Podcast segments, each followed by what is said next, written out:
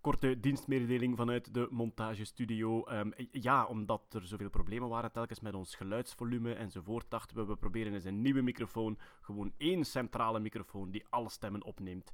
En het resultaat is dat het allemaal nog erger geworden is. Dus uh, ik heb mij bezig gehouden met volumes optrekken en ik heb er een legertje uh, compressoren over losgelaten. Dus hopelijk is alles beluisterbaar. Maar vanaf volgende maand terug onze oude microfoons. En dan nu de podcast.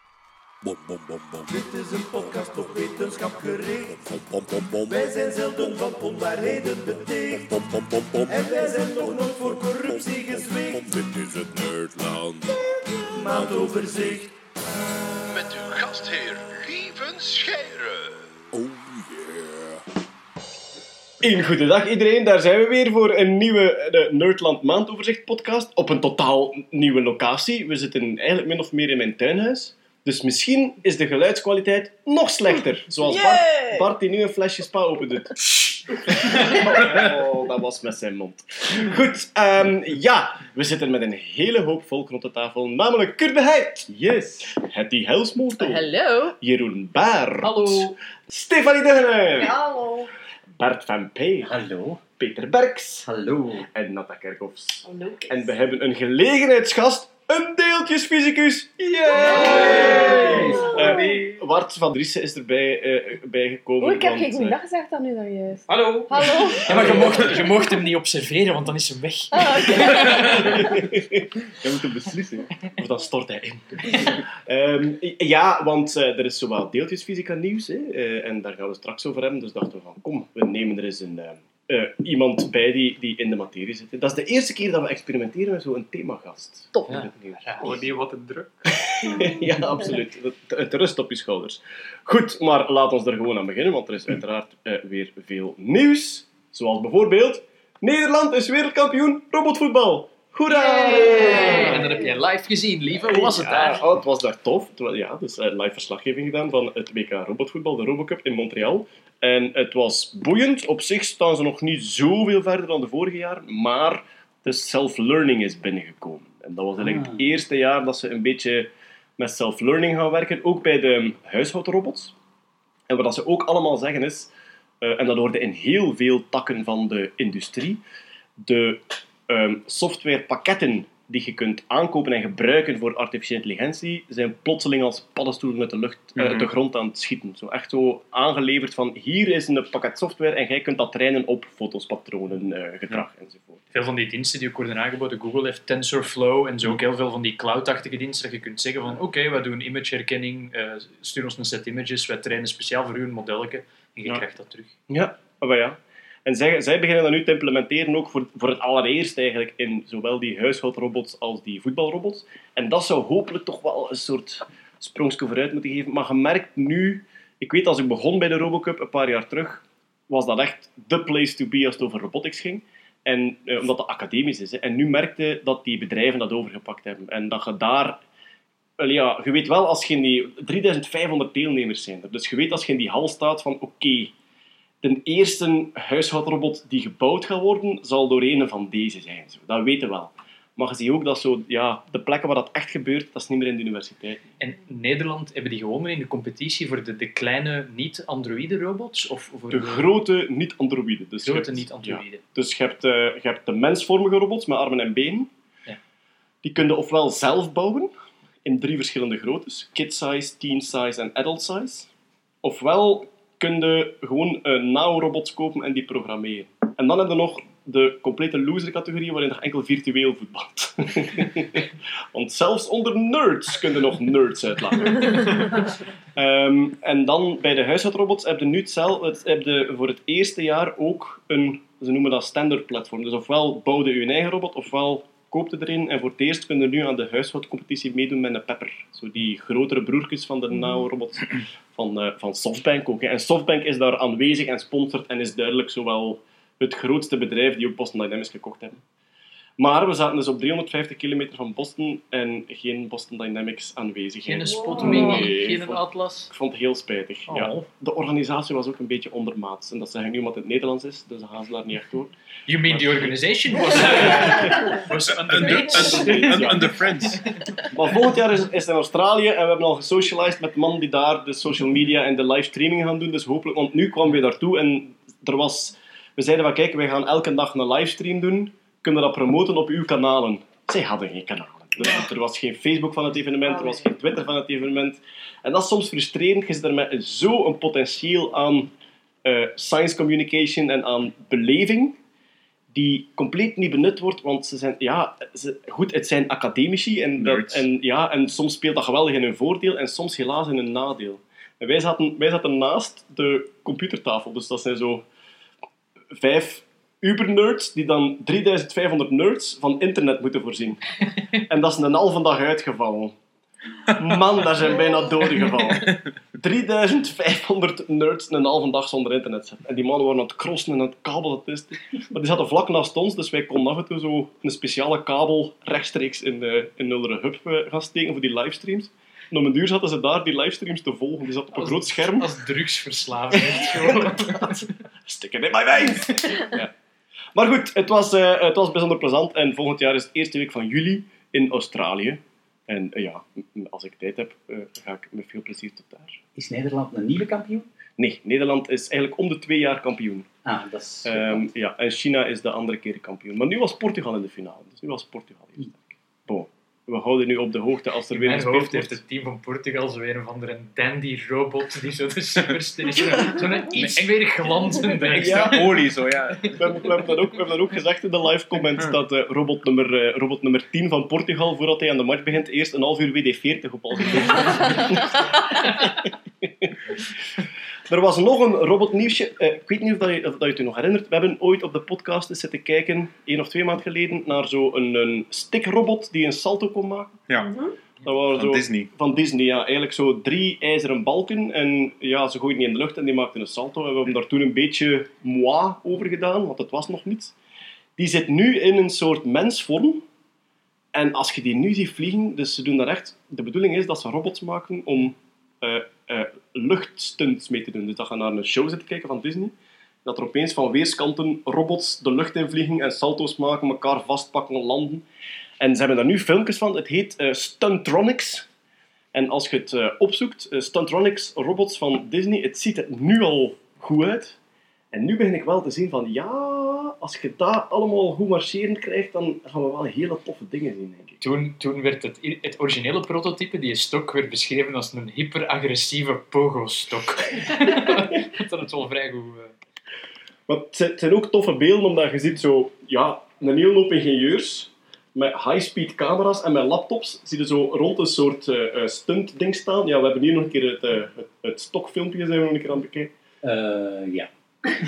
Kijk, en nu is de mensenvorm die we zien.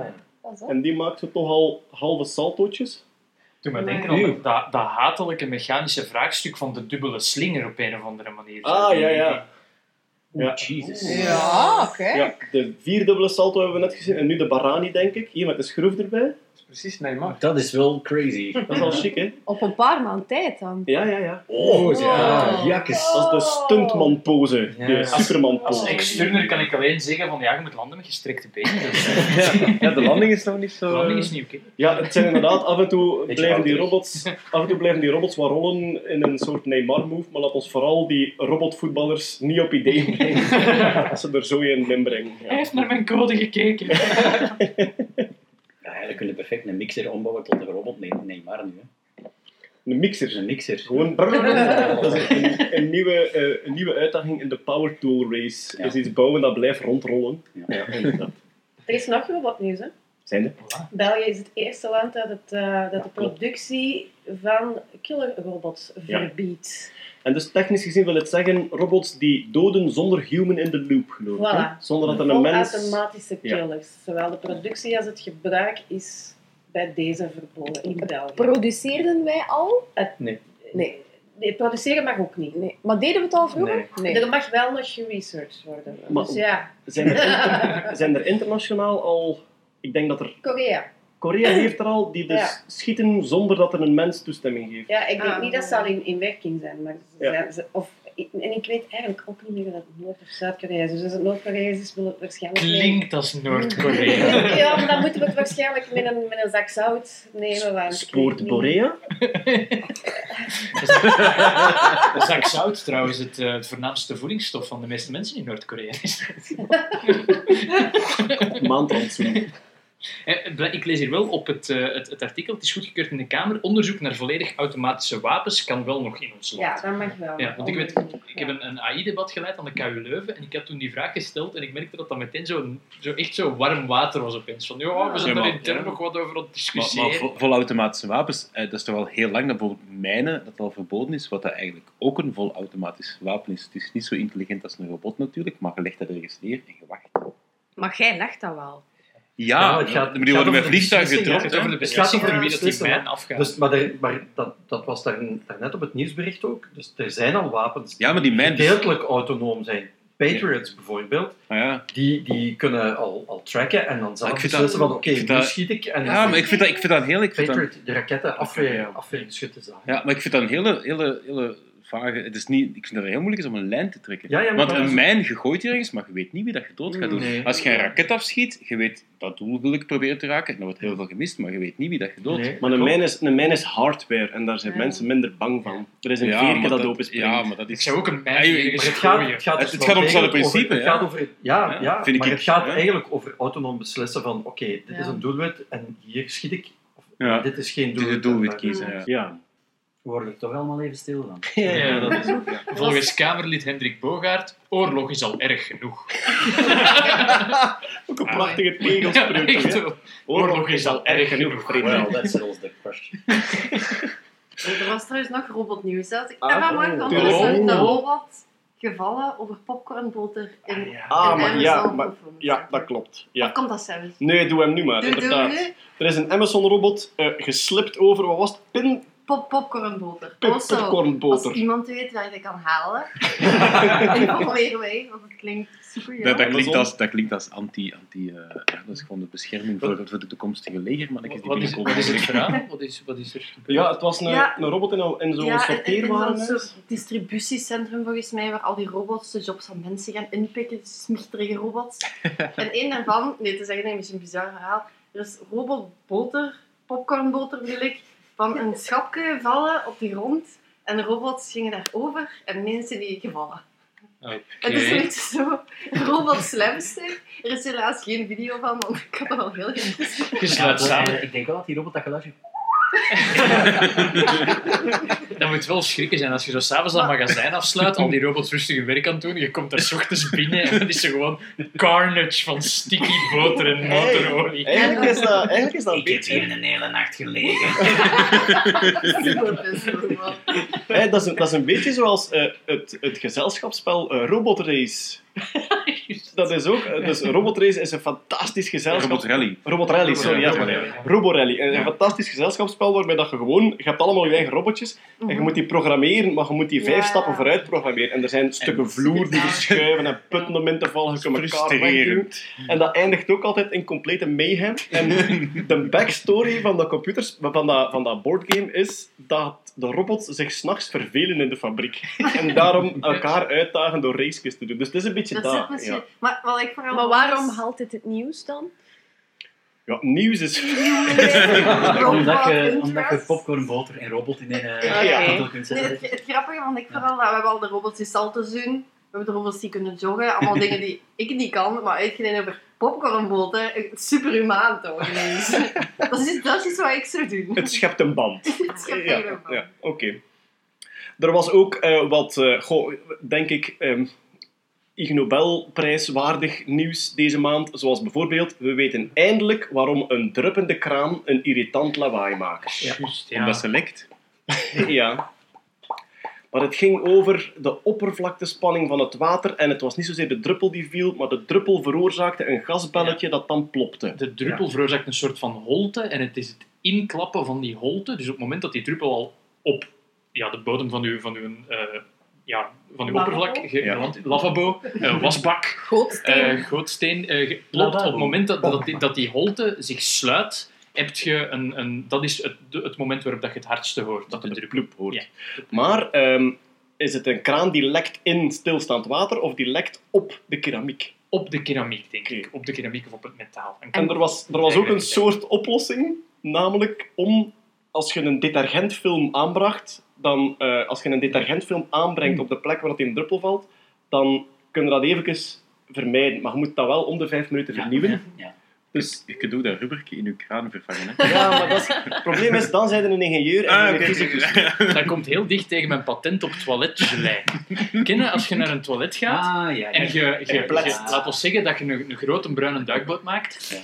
en het toiletwater kletst terug. Dat druppelje dat omhoog gaat. Ja. Daarom zou ik dus een soort van oplosbare toiletgelei, zo'n soort van droog poeder, dat je de rest in kunt strooien, dat de viscositeit van dat water een klein beetje... Ja, maar Peter... Ik heb het! Ik, ja, ik, Jij, hoe, jij dat al? Dat is mijn patent! Ik heb staat al. Maizena. Laat me raden, insecten maken het. Is dat wel Nee, nee, nee, nee. Hanglijm. Hanglijm. Hanglijn. Als Ah je dat ja! poeder erin doet, Ah, ja. zo. Maar dan moet je eerst roeren. Het Daarvoor staat die stok ernaast.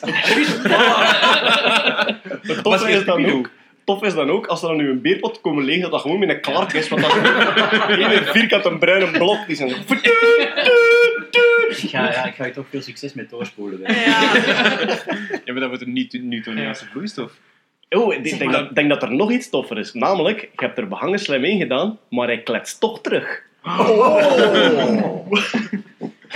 Misschien vooral Ja. op het publieke toilet. Maar er zijn, er zijn toch veel mensen die wc-papier leggen Ja? op het water om de klets te vermijden. Wc-papier is Ja, het truc, ja. Maar wc-papier leggen, dat is zo verspilling. Ja, en behangerslijm niet? Zeg maar in zo'n eh, openbare toilet, zo'n Dixie. Wel, Daar zit toch ook een of ander zeer viskeus goedje met nog een hoop andere eigenschappen. Zo dat blauw. Ja, Oké. een gelletje. Ja, maar daar, daar is een soort van chemisch afbreekproces. Ja. hè. Ja. Maar Ja. daarom dat die dingen er ook maar een dag kunnen staan, denk ik. Er staat Ja. trouwens ergens ene geïsoleerde dictie. Waar is dat nu? Is dat niet als je ergens naar de straten oprijdt? Vanuit Antwerpen staat er zo één dictie. Hier, lieven, vanuit de montage. Ehm, ik heb het eventjes nagevraagd en het zou gaan over de oprit naar de Antwerpse ring of de oprit richting Kennedy-tunnel als je vertrekt van de redactie van het Nieuwsblad. Dus vanaan de Park and Ride linkeroever, als je daar de oprit neemt richting Kennedy-tunnel, dan zou je hem moeten zien. De eenzame Dixie. Zo tussen, je hebt zo een klaverblad en je hebt zo een betonnen, betonnen strook tussen twee opritten. En die betonnen strook is ongeveer een voetbalveld groot. En helemaal in het midden staat er één dictie. En dat is alles. Ik voel er een rijmpje aankomen of een stuk poëzie Nee, een eigenlijk low- niet. Een low-budget Doctor Who. Ja. de TARDIS. Ja. Ja, het is eigenlijk... heel leuke vrijgezellen geweest te zijn. Dat dan ook, ja. Daar zit nog altijd iemand in ook. Het is toch goed, man! Ja. Eh, goed, maar dus eh, daarmee weten we nu waar- waarom eh, het, het water zo irritant druppelt. Ehm, ja, we hebben het vorige keer gehad over het feit dat dit de laatste zomer van de Iridium-flits is. En daar is blijkbaar een project opgezet en dat heet Catch the Iridium. Mhm. En dus dat is een project en ze willen nog foto's van alle Iridium-satellieten voordat ze dus einde van dit jaar verdwijnen. Dus eh, ja, eh, bij nachtelijke hemel kun je soms een satelliet zien en af en toe heb je een satelliet die op- gedurende een paar seconden het helderste ding in de hele hemel wordt. Iridium-flitsen, heel mooi om te zien. Ehm, maar eh, ja, als iemand dus van, nog van plan is om deze zomer en op reis naar Iridium-flitsen te kijken, dan zoekt je maar naar Catch the Iridium Iridium.com. catchtheiridium.com. Voilà. Ja. En dus daar mocht je al je foto's naar opsturen en ze willen dus van alle satellieten graag nog een eh, fotootje. Goed. Ja, eh Hetty. Ik was net de Sputnik-app aan het openen om te zien waar de Iridium passeert de komende zeven dagen. Ja, van de, van de, Het van de niet week. vaak, hè? nee, Nee. maar het komt echt in periodes. Dat is eigenlijk zo meetkundig, komen die af en toe heel vaak over en soms ook niet. Ja, goed. Ehm, Hetty, er was een heel schoon filmpje van eh, een eh, bacterie, denk ik, die Ja. via een soort harpoentje, Mhm. via een soort ja, biomoleculair kabeltje, Mhm. DNA ging, is dat dan halen Ja. bij een andere cel? Nee, dit eh, was eigenlijk... Ja, Jeroen toont het filmpje. Dit DNA, in het rood gekleurd trouwens, ehm, vliegt rond eh, in de vloeistof waarin de bacterie ook zit. Ehm, Buiten de cel. Buiten de cel, ja. Misschien heel eventjes terug. Ehm, bacteriën die zijn eh, heel goed in iets wat men horizontale genoverdracht noemt. Namelijk, normaal worden genen doorgegeven van ehm, ouder op kind. Dat is de verticale gentransfer. germline. Ja, de germline. Ehm, bacteriën die halen ook DNA van, van ik van Kurt bijvoorbeeld, Hele of ik van Lieven, of ik van Natta. Ehm, en dat is een van de grotere redenen voor de, de snelle verspreiding van antibioticumresistentie. Namelijk, één bepaalde bacterie heeft een stukje DNA in zich, waardoor hij of zij of het resistent wordt aan een bepaald antibioticum. Ehm, waarom verspreidt zich dat zo snel ook tussen bacteriën van totaal andere soorten? Omdat die aan horizontale gentransfer doen, omdat die DNA bij elkaar gaan halen. Maar gooi die dan, dan zelf uit hun cel rond? Ja, dus die wel. strooien een beetje rond van hier, als je het kunt gebruiken, pak dan maar. Nee, eh, vaak als die bacteriën doodgaan, dan ontploffen die hè, en dan Het ehm, eh, wordt dat vrijgesteld. het is Ja. DNA-donatie. Ja, ja. Orgaandonatie en DNA-donatie in één eigenlijk. Ja. Of heel vaak is dat DNA ook gebonden aan, aan eh, biofilms, aan bepaalde oppervlakken. Dus eh, waar veel bacteriën dan samen zitten, is er een zeer snelle uitwisseling van, van dat DNA. Men wist dat al lang. Men wist, nog, men wist ook ongeveer hoe dat werkte. Maar dit is nu voor de eerste keer echt gevisualiseerd. En ik denk, dat is echt het maffe eraan. We hebben het ooit gehad over CRISPR. We weten al heel lang hoe CRISPR werkt. Maar als dan zo'n filmpje komt waar je ziet dat dat DNA in twee geknipt wordt, dat blijft Ehm, zeer fascinerend. Ehm, ja, het zijn inderdaad de pili, hè, heten ze. Die, die harpoentjes Die zijn eigenlijk eh, opgebouwd uit, uit heel veel verschillende eh, piline-eiwitjes aan elkaar. En als ze zo meer stukjes piline eh, bijvoegen, dan wordt dat kabeltje langer. Ja. Hè? En als in de cel, als ze ze weer afbreken, ah ja, dan trekt dat kabeltje zich weer naar binnen eigenlijk. Wat is de Ehm, ja. snelheid van dat proces? Want nu op dat filmpje is dat... Allee, dat duurt drie seconden. Een soort Ja. van groene lasso die wordt uitgegooid. En, en, allee, het is niet een lasso, maar... Dan moeten maar, mensen googlen om het te vinden. Ehm, Bacteriën, harpoen, Harpoen. eh, DNA. Bacteria, Ja. harpoen. Het is van Ja. de Indiana University. Ja, Dus, ja. eh, Ik heb geen idee, Rund. Het is een Ah. heel goede vraag. Ehm, Daarom stel ik ze ja, die. voilà. dus nee, ik weet het niet wat de, wat de snelheid is van dat proces. ik heb nog een vraag, die gaat je misschien wel kunnen beantwoorden. Allee, als Ik je hoop weer het. niet wilt teleurstellen. Eh, maar wat winnen die bacteriën daarbij om dat te doen? Wel, dat is, dat is evolutionair heel interessant, omdat die dan plots, ja, zoals gezegd, resistent worden bijvoorbeeld aan een bepaald antibioticum. Ehm, en, en, of, of andere ehm, Zonder dat die kenmerken. moeten wachten. Ja, Dus, inderdaad, zonder ja. dat die zich Dus, dus moeten eigenlijk, als er dus een andere bacterie resistent is, dan Ja. gaan die gewoon eigenlijk DNA-materiaal pikken of lenen. Ja, En dan worden die Ja. ook... Ja. Ja. Zelfs, Dus dat zelfs als dat eentje van een andere soort is. exact. Ja, ja. Maar ik vraag me dan af, wat dat er allemaal deel... Ja, want ja, het is moeilijk. Ik ga niet antropomorfiseren, maar... eh Jawel. ja, ja, jawel. Dus, Howdy, cowboy. Aandacht, ik ga even antropomorfiseren. Ehm, hoe, hoe beslist een bacterie dan, als hij een stukje DNA binnen heeft, dit is goed voor mij, ik Maar hou nee, daarbij? niet, nee, dat kan niet. toch niet? Dat is evolutie, hè. Ja. Die doen maar. Dat is allemaal toeval? Ja, alles is Dus toeval. dat gaat Trial tegenin kunnen gebruiken. Exact, en dat is waarom dat het, dat het onderzoek Ja. zo belangrijk is. Ah ja, hè. want dan kun je nu medicijn ja, maken. Ja, inderdaad. Hier, Of- DNA, pak maar. Onder andere. Of je kunt die harpoen plots Spread beginnen blokkeren. Yes. Eh, maar dat vind ik eigenlijk wel een heel, heel belangrijke vraag. En, en allee, omdat heel veel mensen denken, ja, evolutie heeft een doel en een richting. Maar ik denk, de natuur doet Ja. maar en probeert maar. Ja. En alles wat dan toevallig werkt in die bepaalde omstandigheid, blijft bestaan en voortbestaan. Maar dus, maar Ja. dus het zou kunnen zijn dat volgende antibiotica niet meer bestaan, maar dat dat gewoon eigenlijk een soort DNA-spul is dat je inspuit om de bacteriën te misleiden en zichzelf kapot te maken door alle DNA op te nemen. Bijvoorbeeld, dat is wat ze met CRISPR ook aan het proberen zijn. Hè. Ehm, vooral omdat dat hele CRISPR-systeem ook uit What bacteriën komt. Ja, heel veel.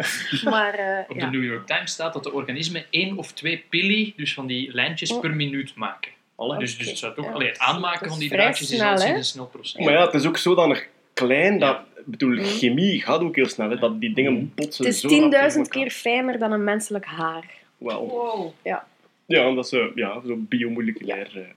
Er stond ook bij dat, de, de, de, eh, dat het zo een typisch gigantisch enthousiast moment was bij de onderzoekers. Dat het, dat het ja, de wetenschap is vaak heel traag en gestaag. Hè, zoals in CERN zitten kijken naar een bepaald bultje in een grafiek tot als het de juiste sigma-waarde heeft.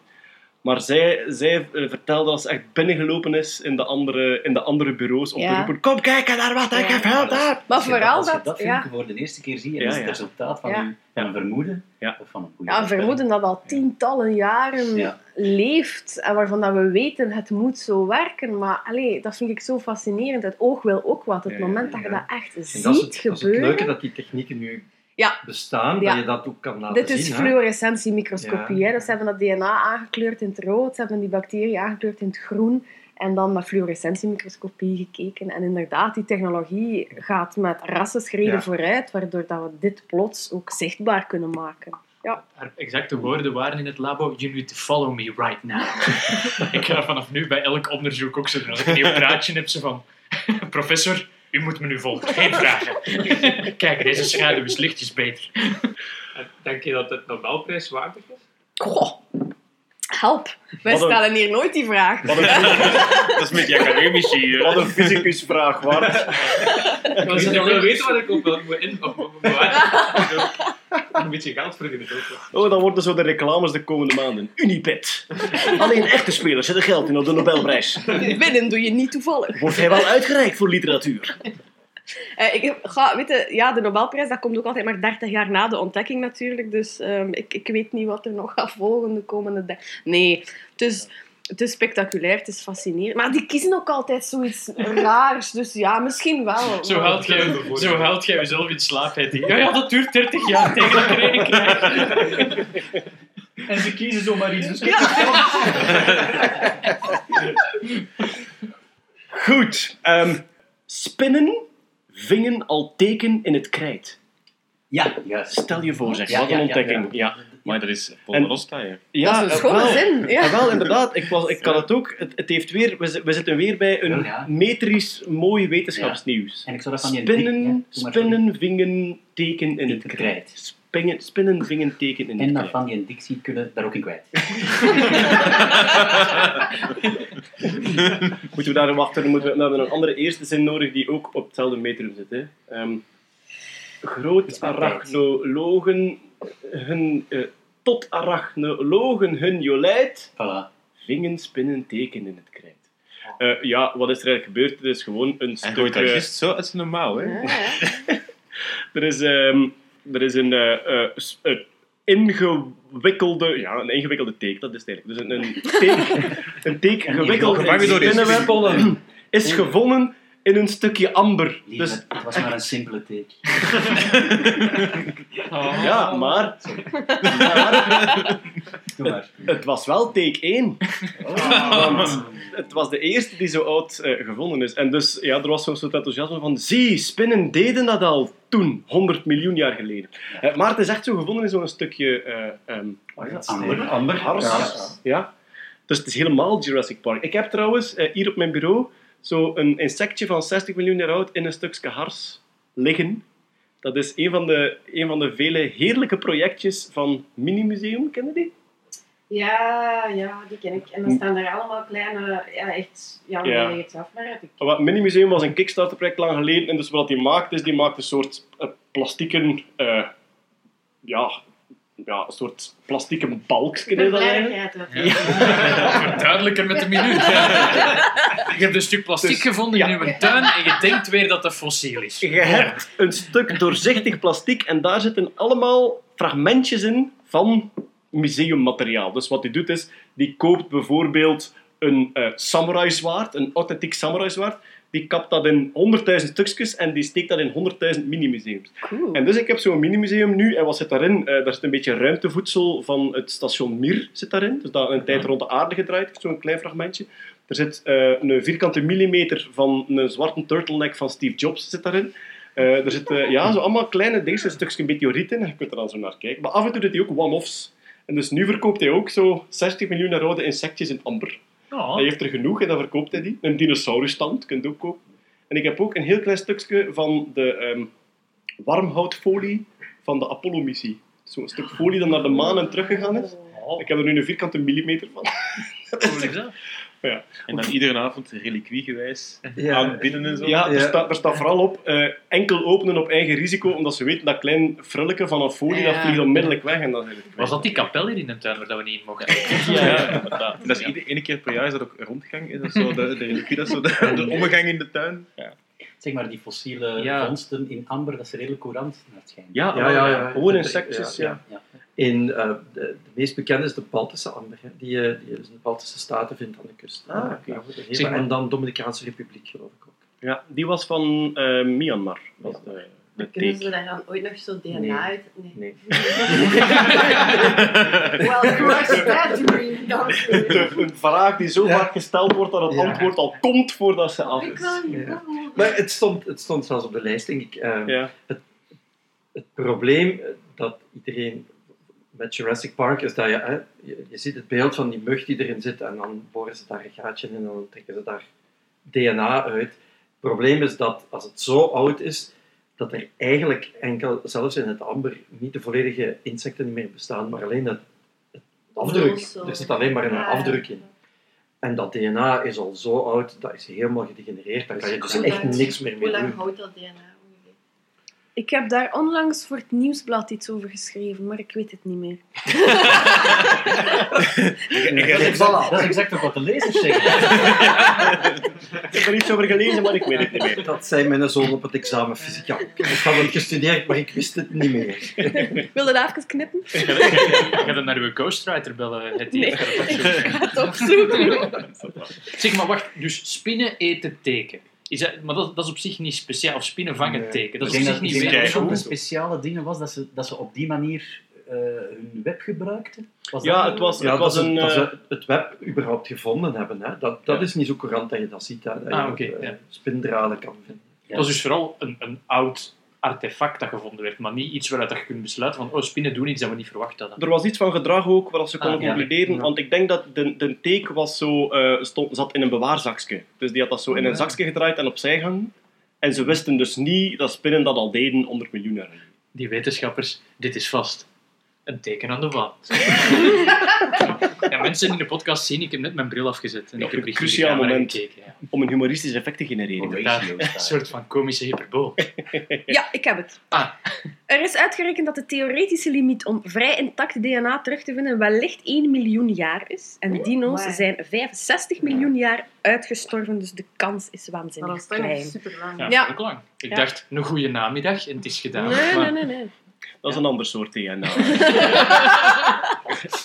maar eh, eh, ja, en wel, ik denk dan, als je zo heel futuristisch denkt naar wat als, wat als, wat als, misschien is de enige hoop nog dat we computers kunnen maken die zodanig krachtig zijn, Die dat ze, kunnen. ja, dat ze kunnen berekenen met dit soort DNA zou dat levend wezen eruit komen. Maar hoeveel vertakkingen en mogelijkheden dat je dan hebt, dat eh, is moeilijk in te Zolang zien. je het maar niet probeert met de kikker-DNA tussen te steken. Want je weet wat er dan gebeurt. Hè. Kikker-DNA. Ja, in Jurassic Park hadden ze de, de ontbrekende stukken toch opgevuld met, Met kikker-DNA. Ah, ja. Dat is niet echt, hè.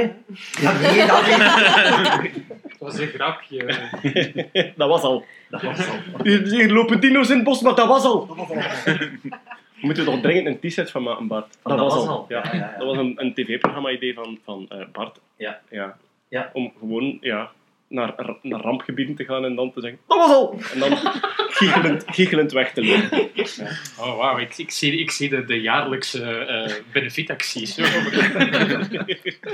Ik heb 100 euro gestort en dat was al. De Belgische Nobelprijs is uitgereikt. Enfin, zo wordt hij genoemd. Het is de Franquieprijs. Maar naar wie is de Franquieprijs eigenlijk genoemd, Nata? Ah, oké. sta- panisch naar uw briefjes. Nee, sorry, dat is, een, dat is een vormelijke vraag. En daar hebben we het niet over. Inhoud. Alles gaat over inhoud. Maar dus de Franquieprijs ging Ja. dit jaar naar eh, Frank Verstraten Ja. over Quantum Tensor Flow. En dit is eigenlijk de meest prestigieuze Belgische wetenschapsprijs die je kunt winnen. Oké. En daar hangt uh, een prijzengeld aan vast van 250.000. En nu voor iedereen gaat denken, oh, dat gaan we ook eens een keer proberen.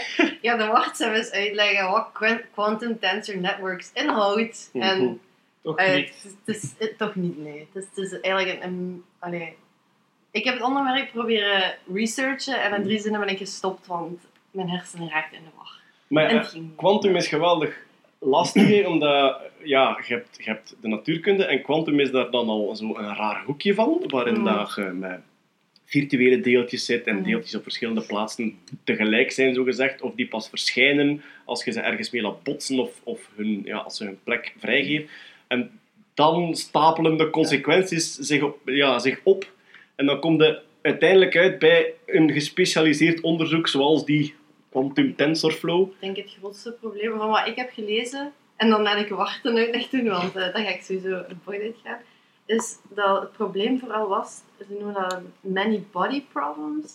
Dus dat quantum is al super complex en dan ga je nog eens bekijken van hoe gaat dat over quasi infinite particles die Ja. gaan quantum interacten en verstrengelen. Hoe los je dat op en hoe verzint je daar eigenlijk, denk ik, een nieuwe taal, een soort nieuwe wiskunde, manier om dat te formuleren, systematisch, hoe los je dat op? En die Frank Verstraeten heeft dat beetje gedaan. Ja, ik heb net even opgezocht Frankie Wie op Ja. Google. En dat was een Belgisch militair, diplomaat en zakenman. Dankjewel, Emile- militair, diplomaat en Emile zakenman. Frankie. Het is misschien een ander een, maar... Ik hoopte even dat die tekenaar van Gust Vlater zijn. Van elkaar, ja. Zwat. Maar, ehm, eh, ja, Wart, jij bent op, eh, op bezoek geweest bij de universiteit om uitleg te gaan vragen over de quantum tensorflow. Ja, ja, ik heb het, eh, het hoongelach van de theoreten moeten ondergaan. Jij bent Ehm, experimenteel Ik ben fysicus. een experimenteel fysicus, dus ik sta eh, dichter bij de realiteit dan hen. Eh, Maar maar, maar, maar ik Die moet ik onthouden. ja, maar, maar ik moet dan zo incasseren dat ik niet altijd begrijp wat ik aan het doen ben van, dan van hen. Ehm, maar, maar ik ben dus op bezoek geweest bij hen en ehm, het komt er eigenlijk op neer, zoals dat eigenlijk al heel goed heeft ingeleid, dat ehm, materie die wij zien, bijvoorbeeld eh, ja, alle materie rondom ons, ehm, we hebben een set basisregels in de kwantummechanica. En dat beschrijft hoe deeltjes in een bepaalde, eh, een bepaalde positie bevinden enzovoort, een bepaalde toestand zich bevinden. En ook hoe zij communiceren onderling, dat is dus kwantummechanica een beetje. En dat zijn een, een paar basisregels, om het zo te zeggen.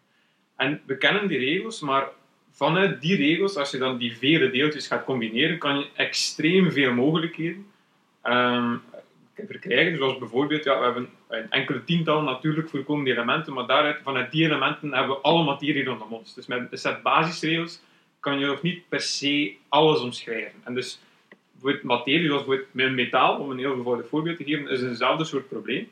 Ehm, we kennen de deeltjes die in een metaal zitten en we kennen de regels hoe dat ze werken, maar daarom weten we nog niet precies wat de geleidingscoëfficiënt is van een metaal of de hardheid van een metaal enzovoort. Want die geleiding, die geleiding hangt af van het gedrag van de elektronen binnen het metaalrooster. En om dat uit te rekenen is, is hoe het geheel lastig. zich omschrijft, is, is niet hetzelfde. Je kan je niet direct halen uit de basisregels. Ja, dus dus dat is niet zo eenvoudig. Nu, wat de groep van Frank Verstraeten heeft gedaan, voor zover ik het heb begrepen, is dat zij een, een wiskundig framework hebben voorzi- voorzien dat helpt om de dimensionaliteit eh, te verminderen. Dus er zijn extreem veel computationele regels. Er is een enorme computationele kracht nodig om dat volledige systeem uit te leggen. Die computationele kracht is niet genoeg, omdat het gaat over echt gigantisch veel berekening.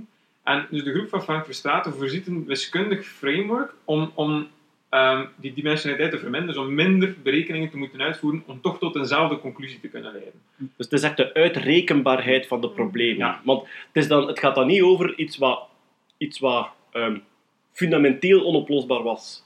Oplosbaar maken. Het gaat hem iets over, het was oplosbaar, maar de rekenkracht was zodanig groot dat we het niet Ja, konden. ja. En dat is nu behapbaar geworden door andere wiskunde. Dus er zijn nog steeds, eh, eh, zoals ik het heb begrepen, de, de, de dingen die ze voor het heel, eh, relatief eenvoudig kunnen uitrekenen, zijn voor het eendimensionale probleem, wat eh, nogal triviaal is som- soms. En ze proberen dan nu om zoveel, zover, eh, zo ver mogelijk te, te gaan naar 2D en ook zelfs 3D. En 3D is natuurlijk heel handig, want dat is onze realiteit.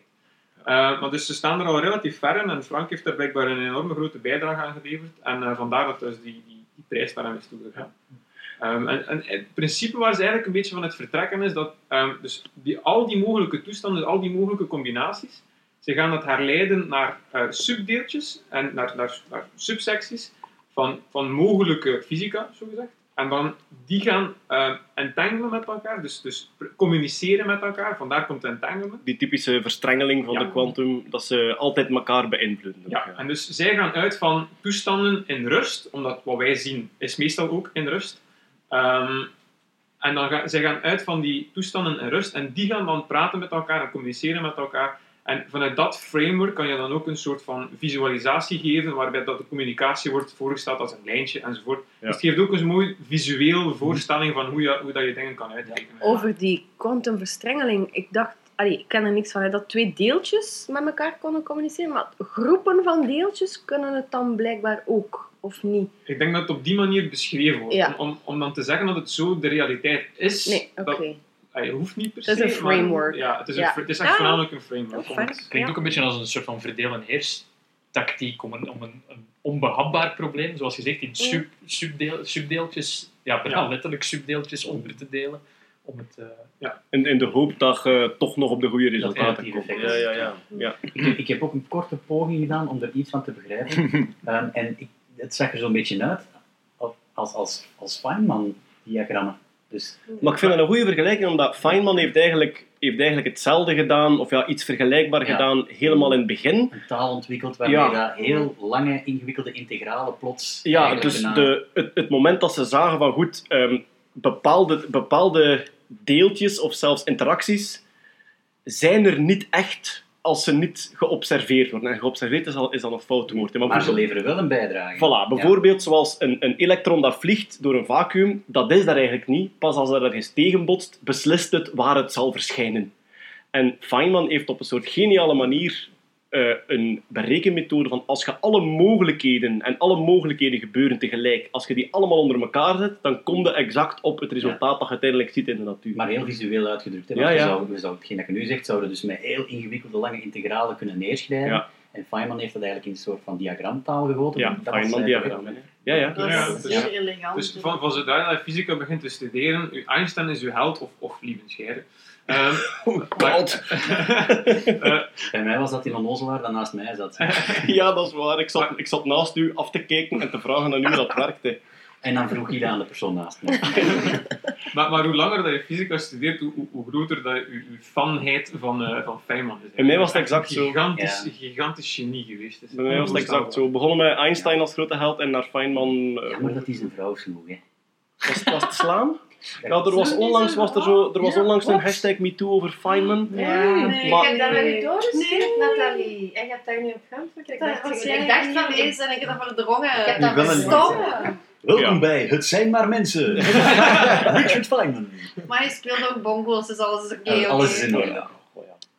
Ehm, eh, ja, maar is, is, denkt u qua principe, niet qua grote orde, maar qua principe vergelijkbaar met zo'n Feynman-diagrammen? Als zijn echt een framework creëren waarin dat je kunt werken? Ja, eigenlijk essentieel wel. Het is wel een grappige anekdote dat een van de studenten waar ik vandaag tegen gepraat heb, die zei mij, met deze dingen, met die TensorFlow, eh, kan je daarom, eh, hoef je daarom die stomme Feynman-diagrammen niet meer te gebruiken. Wat? Ja, maar het- het is inderdaad wel hetzelfde principe. Dus echt Ja, ja. wel gewoon een framework ehm, om het beter te visualiseren en, en gewoon een betere eh, handle aan, aan Ja, ik vind dat heel knap, want dat zijn zo van die problemen waar de meeste normale mensen dan zouden denken van hé, we gaan dat gewoon negeren en hopen Ja. dat dat weggaat. En dan heb je van die genieën die denken, we gaan gewoon een nieuwe wiskundige taal bedenken. Maar en dan komen we Wat, wat dat ik zo tof daaraan vind, en ik denk dat hij dat zelf ook ergens gezegd heeft, is eh, heel veel eh fysica-popularisatoren die blijven hangen op dat mysterie van de kwantummechanica. Ja, precies. En die leggen zo wat basis uit en dan, dan moet je maar naar huis gaan met het gevoel van het is een mysterie en we begrijpen het niet, terwijl we het voor een groot deel wel begrijpen. Ja. En, en zij hebben dat nu zo echt uitgerekend, want Mhm. allee, voor dit was dat ook allee, haast niet bevattelijk te maken, denk ik, aan de eh, niet onderlegde eh, niet-fysicus. Maar met die taal komt het toch al wel een beetje in de buurt van iets dat je, ja, dat, dat, dat een heel simpele, een heel simpele regelset om, om, om daarmee te beginnen spelen. Hè. Maar dat is, nu, dat is nu toch frappant en ook typerend voor de huidige theoretische fysica. hè. Dus Bart, wij hebben fysica gestudeerd, wij Klopt. lezen dat en wij denken, oei, we moeten iemand bellen. Ja. Dus ik bel naar. Wart. Wart is doctoraatstudent in de fysica, in de deeltjesfysica zelf. Mhm. Dus je zit eigenlijk vlak bij dat vakgebied en jij zegt, oei, ik moet een keer met iemand gaan babbelen. Mhm. Die lachen nu uit omdat je experimenteel bent en niet theoretisch. En dus zelfs voor u als doctoraatstudent in een zeer naburig gebied is dat nog lastig om over te babbelen met die man die daarmee bezig is. En dat is toch frappant? Ja. Ja, en dan nog, toen ik bij hen toekwam, van zodra ik dezelfde vraag stel, en als je dit vertaalt naar twee dimensies, dan zeg ik, ah, maar daarvoor moet je deze jongeman aanspreken. Ah. Dus zelfs daarbinnen kan je dan nog eens een, eh, een subsectie maken. En hebben die dan ook ruzie? Dus van, oh, dat- die is met de tweedimensionale oplossing bezig.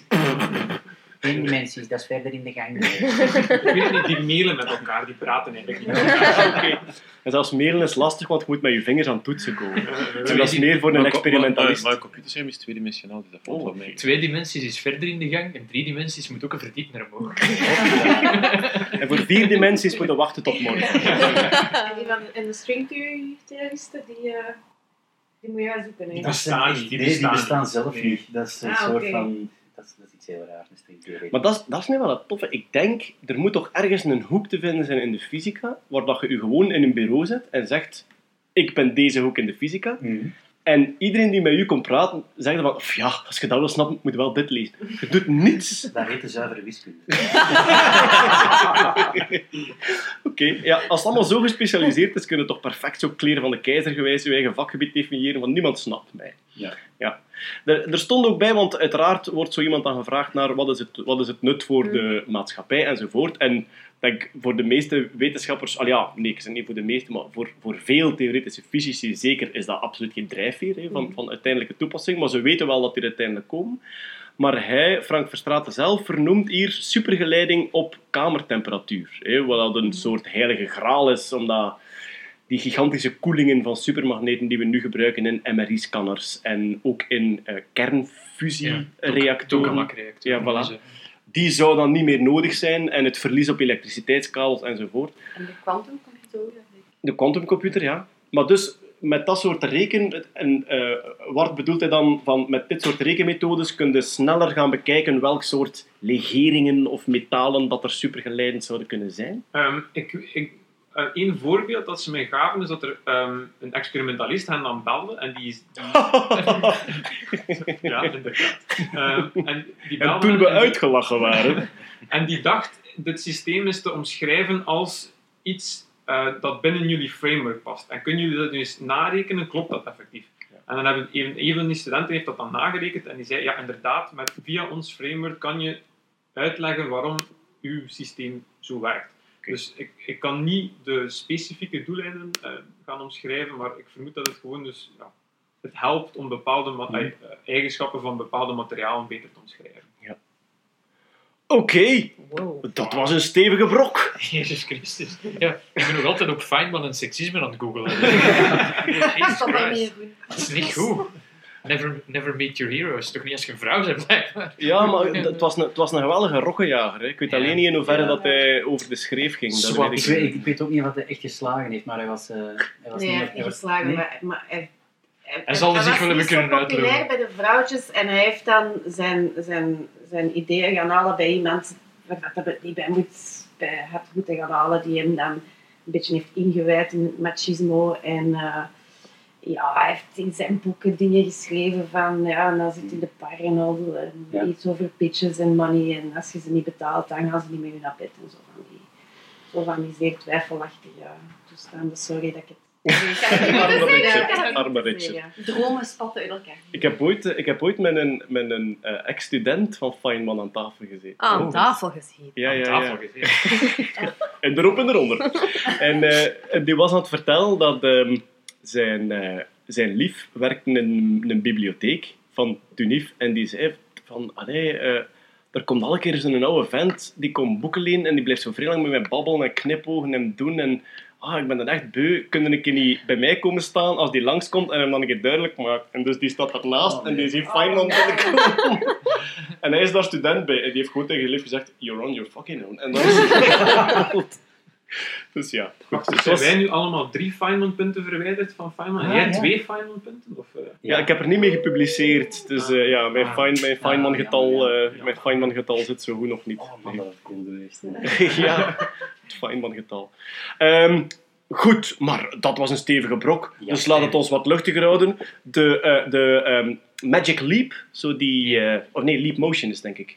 Eh, Magic Leap is de infrarode computermuis? Of is dat de Dat is Leap? alle twee liep. Dus Dus dat- dat is is- verwarrend. Je hebt zo één infrarode computermuis waar je je hand bovenhoudt. Je kunt zo een computer besturen met... de Magic Leap is de bril, denk ik. Ja, Magic Leap is is de de bril. Leap Motion is, de, is, het, is het klein dingetje dat u, dat uw handen Ja, dus waar dat je met je handen nu computerschermen mogen naar beneden kunt doen. Ja. Goed. Dus dan hebben we het over Magic Leap, was het, hè? Ja, De Ja. bril. Magic Leap, de eh, augmented reality bril, dus die, die op uw gewoon zicht extra informatie zet, zoals de Google Glass en de Microsoft HoloLens, maar zij zouden het verste staan.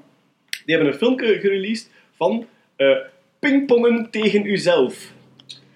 Dus het, het Nooit enige... meer eenzaam. Eh, Wat je moet doen is, je hebt een echte pingpongtafel, je klapt die open, je neemt een echt pingpongpalet, je houdt dat voor je Magic Leap en die ziet van toek en die vraagt van, hey, jij wil precies pingpong en jij zegt ja. En dan verschijnt er aan de andere kant een paletje in de lucht, augmented, en dan krijg jij een balkje in je hand. En je gooit dus gewoon, je doet alsof dat je de balken omhoog gooit. En hij berekent volledig de fysica van het balken dat omhoog gaat. Als je met je palet slaat, gaat hij toek toek naar de andere kant. Dat paletje aan de andere kant beweegt, slaat je een bal terug. En zo kun je dus... Wacht totdat je zo tegen een geleerde ghost van je eigen kunt spelen. We hebben hier het filmpje, het filmpje net Ja. eh, opgezet. Dus als je eh, Magic Leap, eh, Pingpong. Ja. virtual pingpong, dan ga je dat zeker zien. Maar je hebt dan toch je hebt dan eh, haptic feedback op je palet ook, of niet? Oh nee, dat denk ik Nee, niet. altijd- Ik zie nu ook, ik zie ook, is, eh, er hangen precies... Haptic, je haptic feedback Dat dat dat trilt. zodat je, Ah. dat je echt zoiets vibratie terugkrijgt. Heb jij Ready Player One nog niet gelezen? Allee, jong. Nee, Ah. ik ga het noteren. Dat ga je. Ik heb de film nog niet gezien zelfs. Ik heb hem Ah, eergisteren het- Ik heb hem gezien, beter. ja. Het verhaallijn vond ik minder, maar het is leuk om naar te kijken. Oh, Vooral veel insider. We hebben hem toevallig allemaal gezien op de dag dat de Blu-ray release lekt op het internet. Hmm, dat zal wel legaal geweest Ik zijn. heb in de cinema gezien. Oké. Ja, ja, maar die Magic Leap, het is nog altijd niet, niet echt concreet. hè. Ze tonen wel wat tech-demo's, maar ook dit is voor mij weer... Ja, Nee, maar het klopt, het klopt, want je, ziet- je ziet ze ook weer staan en nu dat ik het filmpje zie, er hangen blijkbaar toch nog een hele hoop detectoren Ja. rond dat palet en er staan dan zo nog sensoren links en rechts van dat veld en er staan nog een paar dikke Ja. computers te dit draaien. stinkt naar heel gecontroleerde demo waarvan dat ze 20 seconden hebben laten zien waarop het niet volledig Ja. upfokte. Ah, oké, ja. Allee, Dat, dat daar kan, ruikt- Daar ruikt het naar. dat is allemaal mogelijk.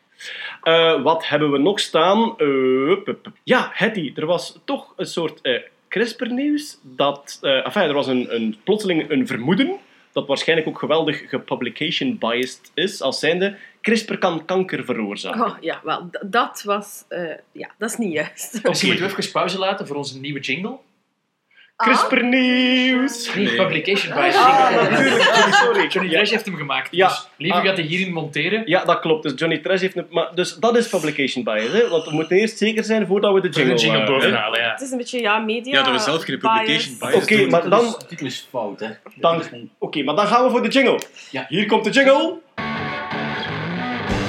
Publication bias van de You are fake news.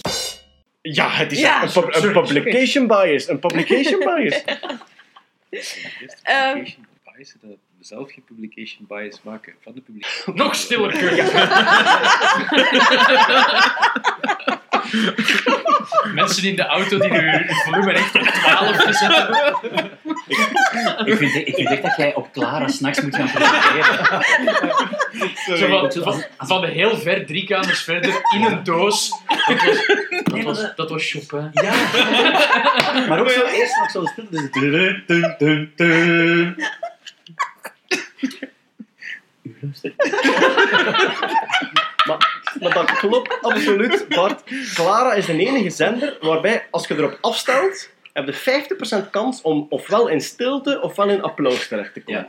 Want die doen dan ook zo een hele goede uitvoering. Als daar drie minuten applaus was, die laat dat volledig horen. Ja, hè. ja. Ja. Dat Daarom zet ik dat als wekkerradio. Dan word ik wakker met applaus en ik Of met, Of met 30 stilte, heel stilte, efficiënt. is dat jij zegt als jij wakker wordt, dankjewel. Dat is een extreem goede manier om de dag te beginnen. Ofwel worden we wakker met experimental jazz. Dat ga ik Eh, ja, dus... ehm, Ja. Maar inderdaad, qua publication bias, denk voor, voor de wetenschappelijke pers of voor de populariserende wetenschappelijke pers is een titel als CRISPR kan kanker sowieso puntje puntje kan kanker veroorzaken, wordt altijd gepubliceerd. Je hebt een, een prachtige website ehm, die twee kolommen heeft met eh, alles, waarvan, alles waarvan de Daily Mail ooit gezegd heeft dat het kanker veroorzaakt. En alles waarvan de Daily Mail ooit gezegd heeft dat het helpt tegen kanker. En vooral de dingen die in beide kolommen staan. Ja. Zoals chocolade en wijn en al dat soort dingen. Eh, maar dus, eh, kan CRISPR kanker veroorzaken? Eh, het is niet heel eenvoudig, ehm, dus als je even de draad kwijt bent, vraag mij hoe het in elkaar zit. Ik ga beginnen met eh, P53. Dat is een gen. Ja. Slagschip geraakt. Ehm, P53 is eigenlijk het allerbelangrijkste kankergen. Hè. Dat is een tumorsuppressorgen. Heel kort door de bocht, wat doet dat? Dat is een gen dat aanvoelt dat er een probleem is in een cel. Bijvoorbeeld een mutatie of een breuk in het DNA of stress. Ehm, op zo'n moment schiet heel die P53-machinerie in actie en gaat die een aantal oplossingen voorzien, zodanig dat die cel zich eigenlijk niet meer kan vermenigvuldigen. Eh, laat die cel doodgaan, herstelt die schade in dat DNA enzovoort. enzovoort. Bij kanker is er een probleem in dat P53-gen. Ik vind dat een hele belangrijke, omdat soms heb je in het nieuws ehm, het kankergen, Mhm. maar meestal is dat niet het kankergen, maar namelijk het antikankergen Ja, ja. dat niet meer marcheert. Voilà, exact. Dus dit is het tumorsuppressorgen. Ja. Heel belangrijk, we hebben dat nodig. Als dat inderdaad niet meer marcheert, dan voelt hij die schade niet meer, dan voelt hij die stress niet meer en dan laat hij die cel gewoon woekeren en dan krijg je een tumorvorming. Hè?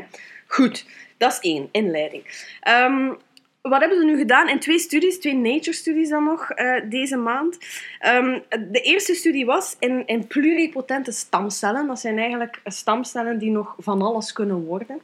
Ehm, daar eh, zijn ze beginnen CRISPR'en. CRISPR, voor de mensen die al een anderhalf jaar niet luisteren. eh, een, een snelle en goedkope techniek om veranderingen aan te brengen in het DNA van om het even welk organisme. Copy-paste in DNA. Ja, voilà. Eh, ze hebben gezien, als ze dat toepassen op die stamcellen, dat heel veel van die stamcellen gewoon doodgaan. Waarom gaan die dood? Omdat je met CRISPR natuurlijk een breuk in je DNA eh, veroorzaakt, die dan hersteld moet worden en waar dan een, andere, een ander gen kan insteken. Ehm, P53 wordt wakker. Exact. Ah. Ik ben blij dat je mee bent, Bart. Ja, voilà. Dus P53 wordt wakker. Ehm, dat werd dan plots deze maand gezien als een heel groot obstakel voor eh, CRISPR-toepassingen. De beursgang van heel veel bedrijven is eh, zwaar Ah. naar beneden gegaan. Ja. Dat is één. Dat is één obstakel. Het tweede is, op het moment dat je CRISPR toepast, doe je dat eigenlijk op een, op een pool van cellen. Hè? Op, op heel veel cellen samen. Ehm, heel veel van die cellen gaan dood, maar diegene waar dat het dan wel in werkt, die selecteer je uit. Hè? Die, die kleuren groen bijvoorbeeld, of die geven een bepaald signaal.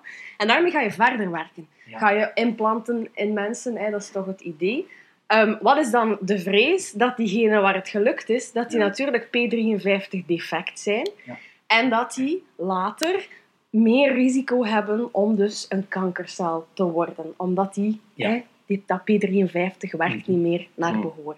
Dus dat zijn twee... Dus wij geraken met CRISPR niet voorbij de, de politie van ons lichaam. Ja. Ah, ja, ja. Ja. Maar dus eigenlijk is CRISPR een manier om te gaan detecteren of de politie nog goed werkt. Dat kan ook, ja. Dat is ook al iets. Ja. Ja. Maar ik denk dat er waarschijnlijk wel andere manieren zijn om te, om te testen Ja, bij iemand omdat- dat P53 Ja. werkt. Om dat te controleren kun je ook gewoon heel veel roken. Hè. Dat gaat ook. Is die P53 het enige? Of zijn er andere systemen die kanker onderdrukken? Oh, er zijn er heel veel, hè. er- Eh, maar dit gaat nu hierover. En dat is een beetje de master regulator. Ah, ja, hè. Die, die regelt heel, heel veel Ja. van, van dat netwerk. En zoals Ehm, dat, dat, dat BRCA-gen, dat ja, eh, dat is borstkankergen, ook- is, dat gelinkt aan Dat is ook een tumorsuppressorgaan Oké, dat voelt dat er DNA damage is. Die voelt dat er inderdaad schade is aan je DNA. Er zijn een aantal oplossingen en een aantal dingen waar we moeten rekening mee houden. hè. Men is nu heel hard aan het werken aan een CRISPR-versie die niet meer knipt in dat DNA. Of die geen dubbelstrengige knip meer doet. Hè? Die maar op één, in één streng knipt en dan op die manier kan veranderen. Ehm, dat, Is dat door... Want op een bepaald moment waren ze bezig ook met eh, eigenlijk de, de DNA-code voor dat eh, eiwit, dus voor dat Cas9-eiwit, Ja. dat die knip doet, Ja. Van die DNA-code af en toe een beetje random te veranderen, om te kijken of ze geen, toevallig geen beter eiwit konden maken in het labo. Ja, daar zijn ze inderdaad onder andere mee bezig. Er gaan ook niet-CRISPR-technieken opduiken die dan plots niet meer die dubbelstrengige breuk eh, tot gevolg hebben, maar wel ons DNA kunnen veranderen. Dus daar zijn ze mee bezig. En de P53 CRISPR is zodoende dat een CRISPR toch toelaat. Ja, exact. Dus Ah, daar ja, zijn ze... ja, Voilà, ze zijn mee. Ik ben blij. Dus ze hebben dat ook gedaan in die publicatie. Dus P53 uitgeschakeld, dan die cellen gecrisperd, gezien dat dat veel beter werkte. Maar goed, dan zitten natuurlijk met een mutante vorm van dat P53, Ja, dat dat weer, waar dat, je, voilà, misschien niet zo'n goed idee En is. als we hem nu eens epigenetisch aan en uitzetten. Ja, Ja. dat zou de oplossing zijn dat we aan en uit kunnen schakelen. Maar dus hè. Epigenetica Ja. is een, eigenlijk een... Uw DNA blijft hetzelfde, Ja. maar je zet er een schakelaartje op. Ja. Hier even niet op letten. Ja. Dat is een methylgroep. En die ja. wordt erop gezet. Maar kunnen ze dat manipuleren? Of, ik denk niet dat we al zo ver zijn, ehm, maar het zou, het zou een goede een goede oplossing zijn. Ik denk voor nu is het zeer belangrijk dat als we iets in mensen gaan testen, met die CRISPR-technologie, dat we op zijn minst gaan meten of uitlezen of dat P53 aangetast is of Ja, niet. ja. Ik wil Dus terug naar Bart zijn politiemetafoor. Mhm. Is dat dan de politie in slaap doen voordat Ja. je misdaad ja, gaat ja. plegen? Ja. De CTG-18? Ja, ja, probeer de metafoor nog eens op te bouwen, want volgens mij is, is er wel iets. Dus je wilt een misdaad plegen. Ehm, eigenlijk wilde je iets goed gaan doen. Hè. Je Ja. hebt de Eigenlijk en je iets goed gaan doen. Dus Maar- er, zit, er, zit een, er zit de eigenlijk... politie Waarschijnlijk zit er het ergens een stukje DNA opgesloten in een schuur waar ook een wasmachine ligt. En een, En een suiker- jeep staat. en een suikerwafel en een pak Ja. rekkers. Ja. En je wilt, je wilt dat gaan oplossen, Nee. maar je moet eerst E van CTGA, die moet in slaap doen. Ah, Dus ja. dat, is- dat is eigenlijk P53 dat je, dat je in slaap moet doen. Ah. Om met de helikopter te kunnen vliegen, zeker. En dan achteraf, maar waarom je steekt die daar terug in? En achteraf, dus je, je doet je CRISPR-manipulatie. Nou, eerst heb je met CRISPR ehm, P53. Ja, of op een andere manier. Of op een andere manier? Ja. Ah ja, oké. Nee, ik was me aan het afvragen waarom het slecht is als je P53 even eruit haalt en er terug insteekt. Omdat je dan een soort van gemuteerde... Ja, uithalen kunnen we niet doen, want Ah, nee. cellen hebben dat nodig, dat Ja. P53. We kunnen hem wel even inderdaad in slaap doen, dat Ja. geen slechte metafoor, ons CRISPR toepassen, maar dan moeten we hem wel weer wakker zien te maken. En daar, allee, daar Ja. zijn we nog Ja, niet. Gaat dat terug hetzelfde zijn als we hem terug wakker maken? Dat is Ook eigenlijk een wel. beetje... Ja. Ook al. Ja, Ja, ja, ja. Ja. was met BJ ook nog. Alright. Voilà. Met klagen. Met Clara wakker maken. Zegt Kurt heel stil in mijn Sorry. oor. Goed. eh, ja, er is uiteraard ook insectennieuws. Dat Ah. kan niet anders, Ah. want Peter komt ook eh, met onderwerpen. En wat ik wel de intrigerendste vond, is... eh, bijen kennen het concept nul. Ja, dus, ja, ik vond dat zelf wel bijzonder raar. Want er zijn heel weinig levende wezens die dat, die dat concept kennen. Hè. Hoe hebben ze het onderzocht? Want dat is het belangrijkste. voordat Dat is misschien... Ja, altijd, altijd. Dat is, dat is een leidraad in het leven van de wetenschapsnieuwsconsument. Als je een krantenkop ziet, vraag je je altijd af, hoe hebben ze het onderzocht? Ja. En welke saus heeft de journalist erover gesmeerd om tot deze kop te komen? Dus Ja. wat hebben ze eigenlijk gedaan? Goed, je, je, kan, je kan bijen bepaalde dingen aanleren. Dus eh, men weet al de hele tijd dat bijen dus kleuren kunnen herkennen en dat ze ook patronen kunnen herkennen. En dat is eigenlijk vrij makkelijk te doen. En aanleren is met beloning. dan. Ja, ja. Dus wat, wat je bijvoorbeeld voor de kleuren doet, eh, je pakt twee schoteltjes. In het ene doe je suikerwater, in het andere doe je gewoon water en je legt daar een kleur onder. En dan wacht je gewoon tot die bijen komen en na een tijd hebben die wel door dat bijvoorbeeld het gele schoteltje, dat daar suikerwater in zit en dat dat blauwe schoteltje, dat daar gewoon water in zit. Dus dat gaan ze negeren, ze gaan naar het gele toe. Wat ga je dan doen? Dan ga je de dag daarna op hetzelfde uur, want die bijen, die weten dan, het is drie uur, daar is nu eten. Eh, dan ga je op datzelfde uur opnieuw een geel schoteltje en een blauw schoteltje leggen. Maar dan ga je de suikeroplossing verwisselen. Dus dan zit er nu water in de gele en suiker in de blauwe. En dan zien ze dat die bijen eerst massaal naar het gele gaan. Omdat ze weten van, ah, gisteren was hier eten, nu niet meer. Ah, daar, daar komen ze dan achter. En daardoor weten ze van, ah, oké, dus die bijen, hè, je doet dat in heel veel verschillende kleurencombinaties. En dan zien ze dat dus, zij dat elke keer terug herkennen. En datzelfde met patronen. En nu hebben ze dat met, met eh, stippen gedaan. Aantallen dus met eigenlijk. veel stippen en met weinig stippen. Dus bijvoorbeeld de combinatie zes stippen en vier. En dan deden ze consequent eerst eh, suikerwater in de vier. En dan de dag, de dag daarna doen ze, nemen ze dat weg en laten die vier stippen liggen. En dan zien ze dat die bijen teruggaan naar vier. Ze gaan Dus- naar de minste stukken. Naar de minste stippen. En ze hebben dat dan in ook heel veel verschillende combinaties gedaan. En dan hebben ze op een bepaald moment ergens een schoteltje en daar hebben ze niks onder gelegd. En toch gingen die bijen, die hadden op den duur dus door van, eh, we moeten altijd naar een schoteltje gaan waar de minste stippen zijn. Eender welke combinatie dat is, die gingen daar naartoe. Ja. En dan namen ze er eentje, dat zat er dan, en ik denk dat het de combinatie 6-1 was, eh, dan 1-0 en 6-0. Zijn nu eh, de, de wedstrijden van de ja, ik was net hetzelfde aan het denken. En dus dus op een bepaald moment eh, leggen ze dus, dus geen stippen onder. En dan zien ze dat, dat die bijen dus ook zonder training automatisch naar het schoteltje gaan waar niks onder staat. En Dus hebben ze dat herhaald? En dat hebben ze herhaald. hebben ze een aantal dan, hè? Dus- Ja, ja, ja, ja, ja. En Ja. wat ze dus ook altijd moeten doen, is je moet, die, je moet die schotels ook wegnemen, je moet er nieuwe zetten, want anders hangt die geur eraan en dan komen ze op de geur af. Maar Dus ook met nieuwe bijen. ja, ja, dat hoeft niet noodzakelijk, hè. Natuurlijk zou het kunnen dat die bijen, ja, hè, ene keer die nul zien, daar naartoe gaan en dan onthouden van, oké. Nee, nee, nee. Nee. Wat, wat, je doet, wat, je doet, wat je doet bijvoorbeeld is, je gaat de ene dag doe je 6 en 1 en Ja, dan, ja. en dan doe je 4 en 1. En dan ineens En dan ineens, zonder, zonder training, ga je dan de dag daarna 6 en 0 leggen. Maar dat is één keer dat die bijen naar die nul gaan. Ja. Is dat, is dat herhaald? Ja, een dan ga je dat inderdaad met een ander Ja, kast ja. ook doen. Ah, ja, ja, ja, dat moet je wel doen. Ja. Ja. Je moet, je inderdaad wel herhalen. Maar er stond dus, ja, in sommige krantenkoppen stond er eh, eh, bijen snappen het concept nul. En andere zeiden ehm, bijen know the concept Bijen. nothing. Eh, ja, Ja, dat is niet hetzelfde. Ja, dat is niet Bees, hetzelfde. know, bees know the concept nothing. Maar sindsdien wil ik eigenlijk een, wil, ik wil een bij en ik wil ze Jon Snow noemen. Om dan te kunnen zeggen, you know nothing, Jon Snow. Maar, maar het kan toch ook zijn dat ze, dat ze gewoon intensiteit zwart gewoon detecteren. En dat gewoon Ja, maar, ja, als het ja, minder ja, maar je gaat met, met zwarte stippen op een witte achtergrond Ja. en gaat in die combinaties. Ja. Maar het, het, ging, het, or- het oorspronkelijke onderzoek ging er eigenlijk over of ze het verschil tussen het meer en minder konden Mhm. begrijpen. Meer en en dan hadden ze er gewoon niks onder gelegd en dan gingen die bijen daar ook op en zeiden ze van, oh, die, Hmm. die bijen begrijpen dus dat niks minder is dan één.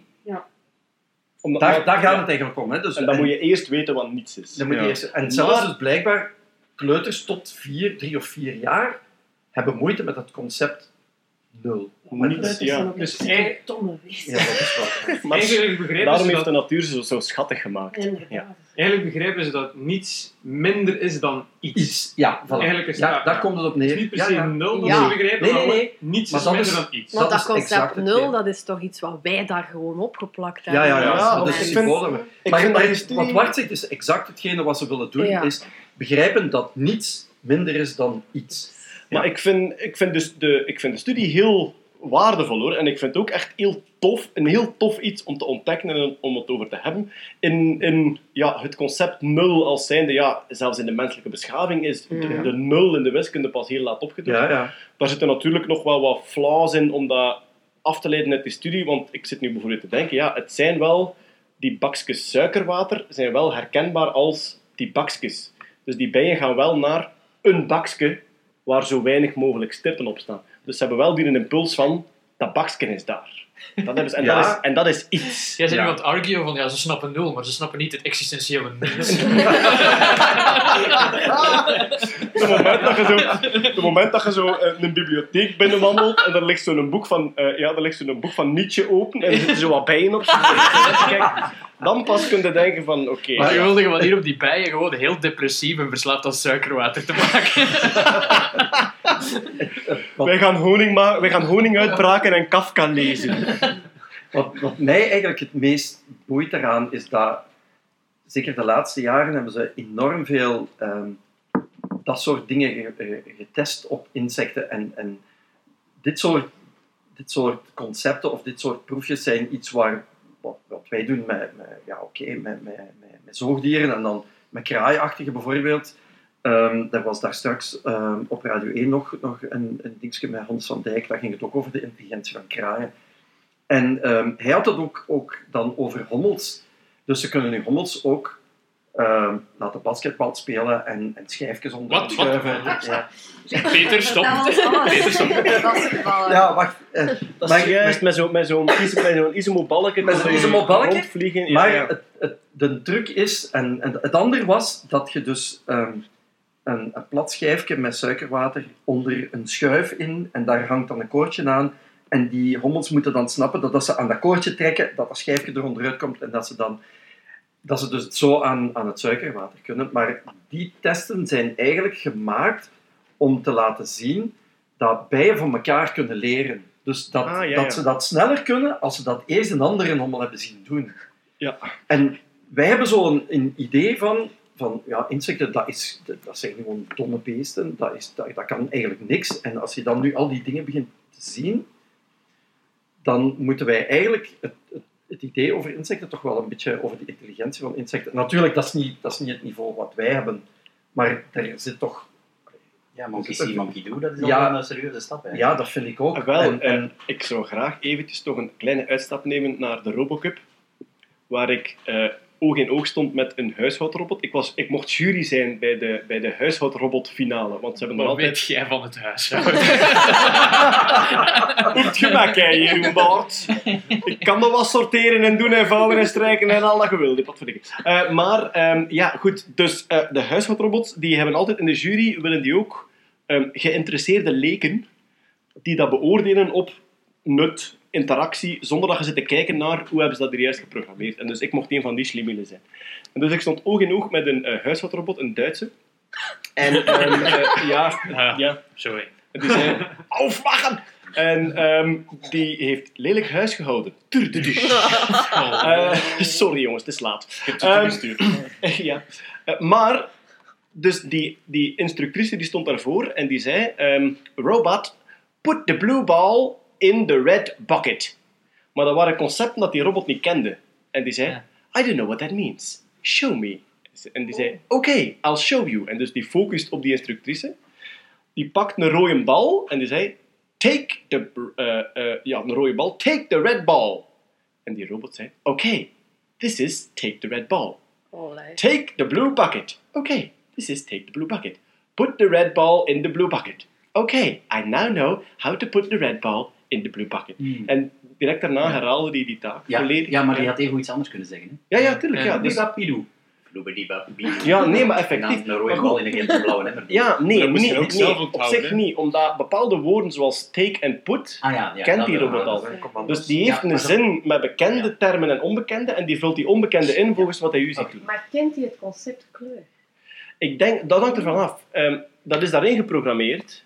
Dus in die camera zijn gewoon de waarden die uit die een CCD-blok komen, die zijn daarin geprogrammeerd. Hè, sowieso. Maar ik vraag me inderdaad af, stel dat rood en blauw ook onbekend zouden zijn, of dat hij zodanig self-learning is dat hij kan afleiden dat dat de kleur is. Ja, bijvoorbeeld dat je zou kunnen zeggen van, je doet het voor met een rode bal, Ja, en dan doe je een keer met een groene bal. Ja. Dat zou straf Dat zijn. zou de Ja, coole zijn. Maar ik vind het plotseling heel intrigerend hoe dicht dat we nu bij dat bijenonderzoek zitten. Ja. En, Peter, jij hebt ooit gezegd dat van bepaalde insecten het connectoom bekend is. Hè? Dus je hebt Fruitvliegen, hè? Ja, dus uw genoom zijn al uw, zijn, is, is uw volledige DNA. Uw connectoom wil zeggen al uw zenuwverbindingen in uw hersenen, die bij de mens geweldig complex zijn, maar bij bepaalde wormen, zoals in een C. elegans worm en bij fruitvliegen, zijn die behapbaar, zodanig dat je dat volledig kaartje van als hier een prikkel komt, gaat die naar daar, die verspreidt zich zo. Ja. Stel dat je het connectoom van een honingbij kent en je hebt dat self-learning mechanisme van kleuren met suikerwater en zelfs aantallen, zou je bijna kunnen ontcijferen hoe dat ze doen. Ja. Softwarematig. Dat is ook zo. Oké, we zoeken funding voor dit project. Fly, fly circuit noemt dat eh, van, van, van het, het, het, het, het connectoom van een, een fruitvlieg. Ah, ja, ja, online downloaden in een database. Ik heb trouwens ook nog, eh, sorry, deze moet eruit. Kent je de bekendste hommel basketbalspeler? Oh, wacht hier. Oh, Ja, wacht even. Mogen we Le- gokken? Nee. LeBron James. Ik ga naar huis. I'll get me coat. zeg, we hadden het net over fruitvliegen, Peter, en dat is een vraag die ik u een paar jaar geleden gesteld heb. In de zomer zijn er fruitvliegenplaagjes. Mensen kopen dan dingen in de winkel, maar ehm, nu, we een, nu we een entomoloog bij ons hebben, leg ons nu eens uit de ideale fruitvliegenval. Hoe doe je dat? Jij hebt nodig één bekertje één, know now what a bekertje is. en een trechtertje. En je moet er dan ene nemen die eigenlijk eh, naadloos past. Maar je kan, je kan het perfect zelf maken. Hè. Je, je- je Met kan papier en driehoek. die, papieren, die papieren Chinese roetjes die je vroeger moest maken. Zo. Oké, wacht, wacht. Dus je neemt, je neemt Je neemt de cirkel, beker, dus- ja, je neemt de cirkel, En- je pakt, ehm, je, je tekent op, op, op, Een cirkel van cirkeltje, papier. snijdt er dus een, een, een driehoek uit, ja. En, en dit ook Een trouwens. trechtertje. Trechtertje. Welkom bij de Nerdland Knutselclub. Wacht, wacht. eh, eh, wacht, wacht. wel Wacht. bij Nee, nee. Wacht. ehm, Wacht. eh, Stefanie, we zouden graag hebben dat de theoretische fysici ook een fruitvliegenvalletje kunnen. Ik vind dat een terechte opmerking. Goed, ja, voor de theoretische fysicus, die stunnen daarbij dwars in binnen. Maar goed, je maakt, je maakt een papieren trechtertje, je zet dat Ja. in een beker. ja, en je moet die dingen wel heel naadloos aan elkaar laten passen. Want ze kruipen overal kruipen tussen. overal door. Dat is ook de reden, en, en Bart deed juist teken van... eh, wat heel veel wordt gedaan, zijn die spaflesjes. Je snijdt er de bovenkant op, je draait dat eronder. Een petfles van een Ja. halve liter, maar die opening is Maar te die groot. opening is te groot en dan kun je die eruit. Dus je moet zorgen dat het gaatje zo klein mogelijk is, dat er nauwelijks En dat is echt twee 2 mm dan. Ja, zeker niet meer. Dat, eh, dat heb je dan. Je legt er een stukje banaan in, je legt dat trechtertje erin, je kleeft dat een beetje dicht, dat die daar niet uit kunnen, en je laat dat gewoon staan. Banaan is het beste. Banaan is het beste. Ah, wel, maar dat is, want ik ben, nu, eens- ik ben nu, dankzij Peter, ben ik al een paar jaar experimenteel fruitvliegenvallenmaker. Ah, en mensen vragen mij soms, wat leg je daar best in? Mhm. Het antwoord is, dat vertellen die beesten nu zelf wel. Als je ergens op iets in Huh? je huis... Maar ja, als Kun je praten? eh, Soms wel, ja. Als je ergens op iets in je huis een hele hoop fruitvliegen ziet, neem je dat gewoon vast. Je stopt dat in je valletje en dan komen ze daar Oh nog altijd het naar. antwoord is fruit, want Maar dat-. Oh, oh, wacht even, wacht even. Er is veel verschil Wacht tussen even. welke Ja, soort ja, ja, ja. ja, ja. Ik heb nu een geweldig leuk boek gekregen. eh, dat heet The Secret Life of Flies. En dat is geschreven door een entomologe van het eh, Natuurhistorisch Museum in Londen. Ah, Eh, ik dacht door Natasha diepto- Flies, een pornoactrice. Ga door, Peter. Nee, toch niet. Ehm, een diepterologe dan wel. Dus dat is een, een, eh, eh, vliegen- en muggenspecialiste. En die dame zegt, en ik had die eh, bedenking ook nooit gemaakt, een fruitvlieg die wij kennen, is geen fruitvlieg. De echte fruitvliegen, die eh, parasiteren eigenlijk, die leggen hun eieren op, eh, op fruit. De Suzuki-vlieg bijvoorbeeld, die in het Limburgse de kersen aantast, dat is een echte fruitvlieg. Degene die wij, nemen, die wij kennen als de fruitvliegjes, dat zijn de, eh, hoe noemen ze dat dan, de ehm, alcohol, eh, de, eigenlijk de azijnvliegjes heet dat. Vinegar Bij mij zijn dat biervliegen. Ja, azijnvliegen. Ah, dus die hebben rottende, rottende dingen Dus nodig. die komen eigenlijk op twee dingen af, voornamelijk, want die, want die beesten, dus de fruit, we gaan ze voor het gemak terug fruitvliegen noemen, maar die komen eigenlijk niet op het fruit af, maar die komen eigenlijk op de gisten af die op het op rottend fruit zitten, want ze eten niet het fruit. We hebben nu nog een cruciale stap eh, niet gedaan. Ja. Ten eerste, dus jij, jij, hebt, jij hebt het over het trechtertje. Ik gebruik vaak de eh plasticfolie-methode. Dus je pakt Ah. een potje, je doet er plasticfolie over en je prikt daar twee gaatjes Ah, in ja, van oké, 2 ja, mm en dat doet het eigenlijk ook. En dat is simpeler. Voilà, nog beter. Maar dan, als het vol zit met fruitvliegjes, Peter, wat doe je dan? In de diepvries. In de diepvries. En minstens voor 24 uur, want ik heb het al gepresteerd om ze 4 uur erin te laten zitten. Doe het pot knopen. Zoep. En ze, en ze zijn weg. Maar dus, Nee, wat dat dan je... je gewoon een, een kartonnetje daarboven en je schudt die schoen en dan zijn Ja. je helemaal verdronken. Nee, hè. op zich niet, want er ligt alleen een stukje fruit in en Ja. geen vloeistof. Ah nee, natuurlijk. Ja, uw banaan. Ja, bij mij is bier.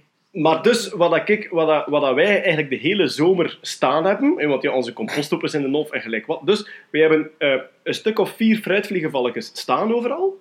En er zitten er vier in de diepvries.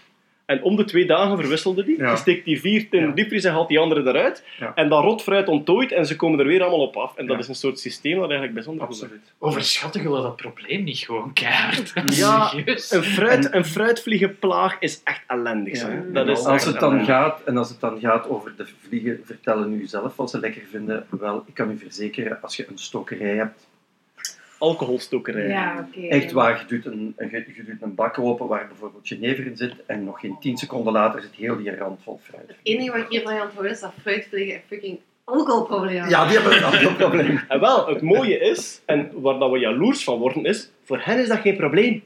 Ah, voor hen is dat het normale Eh, voedsel.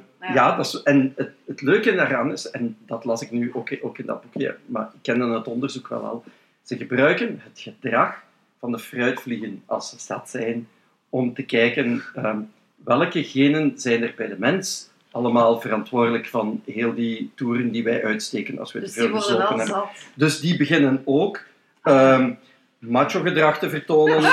En, en ze, beginnen, ze, ze, worden zeer, zeer seksueel ac- actief, de mannetjes, maar ze slagen er minder goed in om vrouwen te krijgen. Jongen, dus, Dat is exact hetzelfde. Ik man. identificeer niet gewoon met die fruitvliegen. ik, ben, ik, ben, ik heb nu echt het beeld van een macho fruitvlieg. Die zegt van, Amai. 24 uur in de frigo, laat maar komen. Ik kan er tegen. Het is wel vreemd dat je Antwerpse fruitvliegen hebt. Nee, nee, vanaf, vanaf dat ik macho gedrag hoor, dan, dan ben ik Dat daar. als je zat wordt, dan is het sowieso Antwerps. Ja, ja. Goed, ik denk dat het langzaamaan tijd is voor...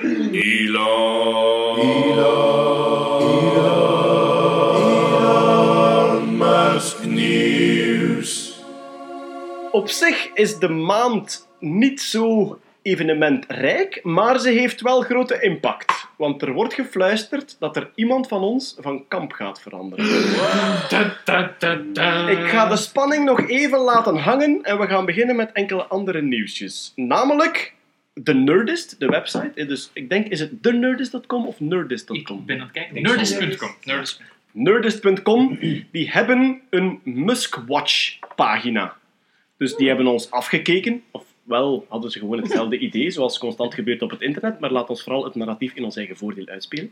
De eh, Nerdist.com heeft nu een Muskwatch-pagina en die houden dus constant bij wat hij uitvreet, wat hij doet, en niet één keer per maand, maar constant. Dus goed, dat maakt deze rubriek nutteloos, maar toch plezant Ja. om naar te kijken. Ehm, en verder van dingen die echt eh, meldenswaardig zijn, we gaan van neutraal naar polariserend.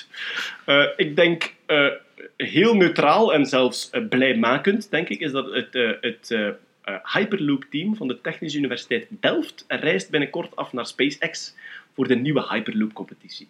Dus Hyperloop is het idee van Musk om in vacuümbuizen eh, kleine wagentjes te stoppen die via magnetische zweeftechnologie aan gigantische snelheden tot 1000 per uur, denk ik, van de ene kant van het continent naar de andere zoeven. Eh, is volop in ontwikkeling, in, eh, ja, vooral in, in, in de researchfase. In de TU Delft hebben ze al één competitie gewonnen. Ik denk voor het, voor het beste wagentje was het, denk ik. Hè? Het, de, de snelheid is 1220 eh kilometer per uur. Sneller dan een vliegtuig. Dus. Ja. Ja, inderdaad. Ehm, dus het, het, eh, het, het beste wagentje, denk ik, was al gewonnen door TU Delft. En nu gaan ze terug voor de volgende competitie. En dat is dan waarschijnlijk een stuk afstand afleggen in die testbuis die daar gebouwd is, enzovoort. Die testbuis ondertussen al een beetje langer dan het er eigenlijk was. Die was kort, ja, absoluut. Maar ja, dat is ook de grootste kritiek op Hyperloop. Dat een, een, een vacuüm creëren, of een bijna vacuüm, want volledig vacuüm is, is onmogelijk. Eh, een, een bijna vacuüm, ja, voor, voor een zodanig groot volume, namelijk een buis van Amsterdam naar Parijs. hè, want dat is een van de, dat is een van de voorgestelde tracks en die zouden een half uur duren. Dus je zou van een half uur van Amsterdam in Parijs staan.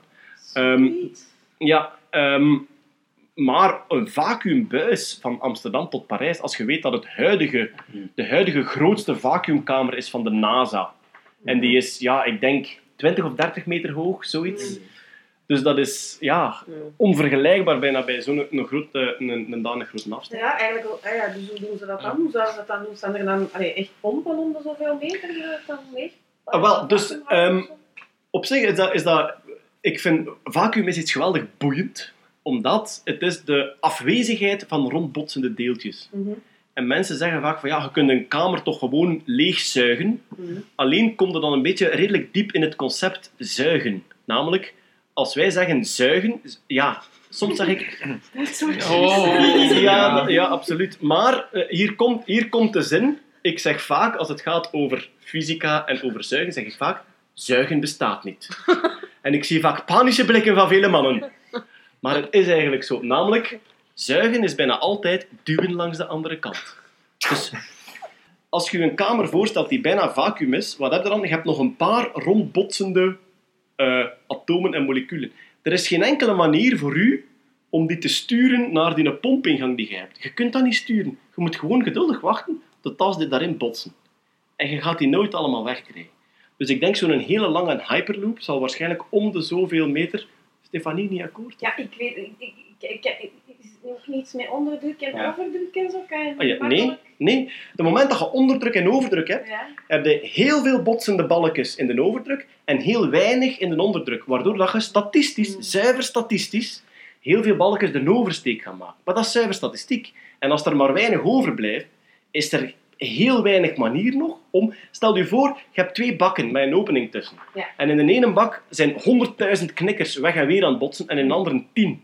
En je doet die opening open, dan zie je onmiddellijk waarom dat er knikkers van de overdruk naar de onderdruk gaan. Maar kan ik- maar, kan ik het- maar, wacht, als er maar 10 knikkers aan de ene kant rondbotsen en 0 aan de andere kant en die opening is klein, dan zie je onmiddellijk dat het statistisch veel moeilijker is. Je hebt geen enkele manier is- om die knikkers daarin te sturen. Maar het is, het is misschien te vergelijken met een, een, een bak met water dat vervuild is, dat je aan het filteren bent.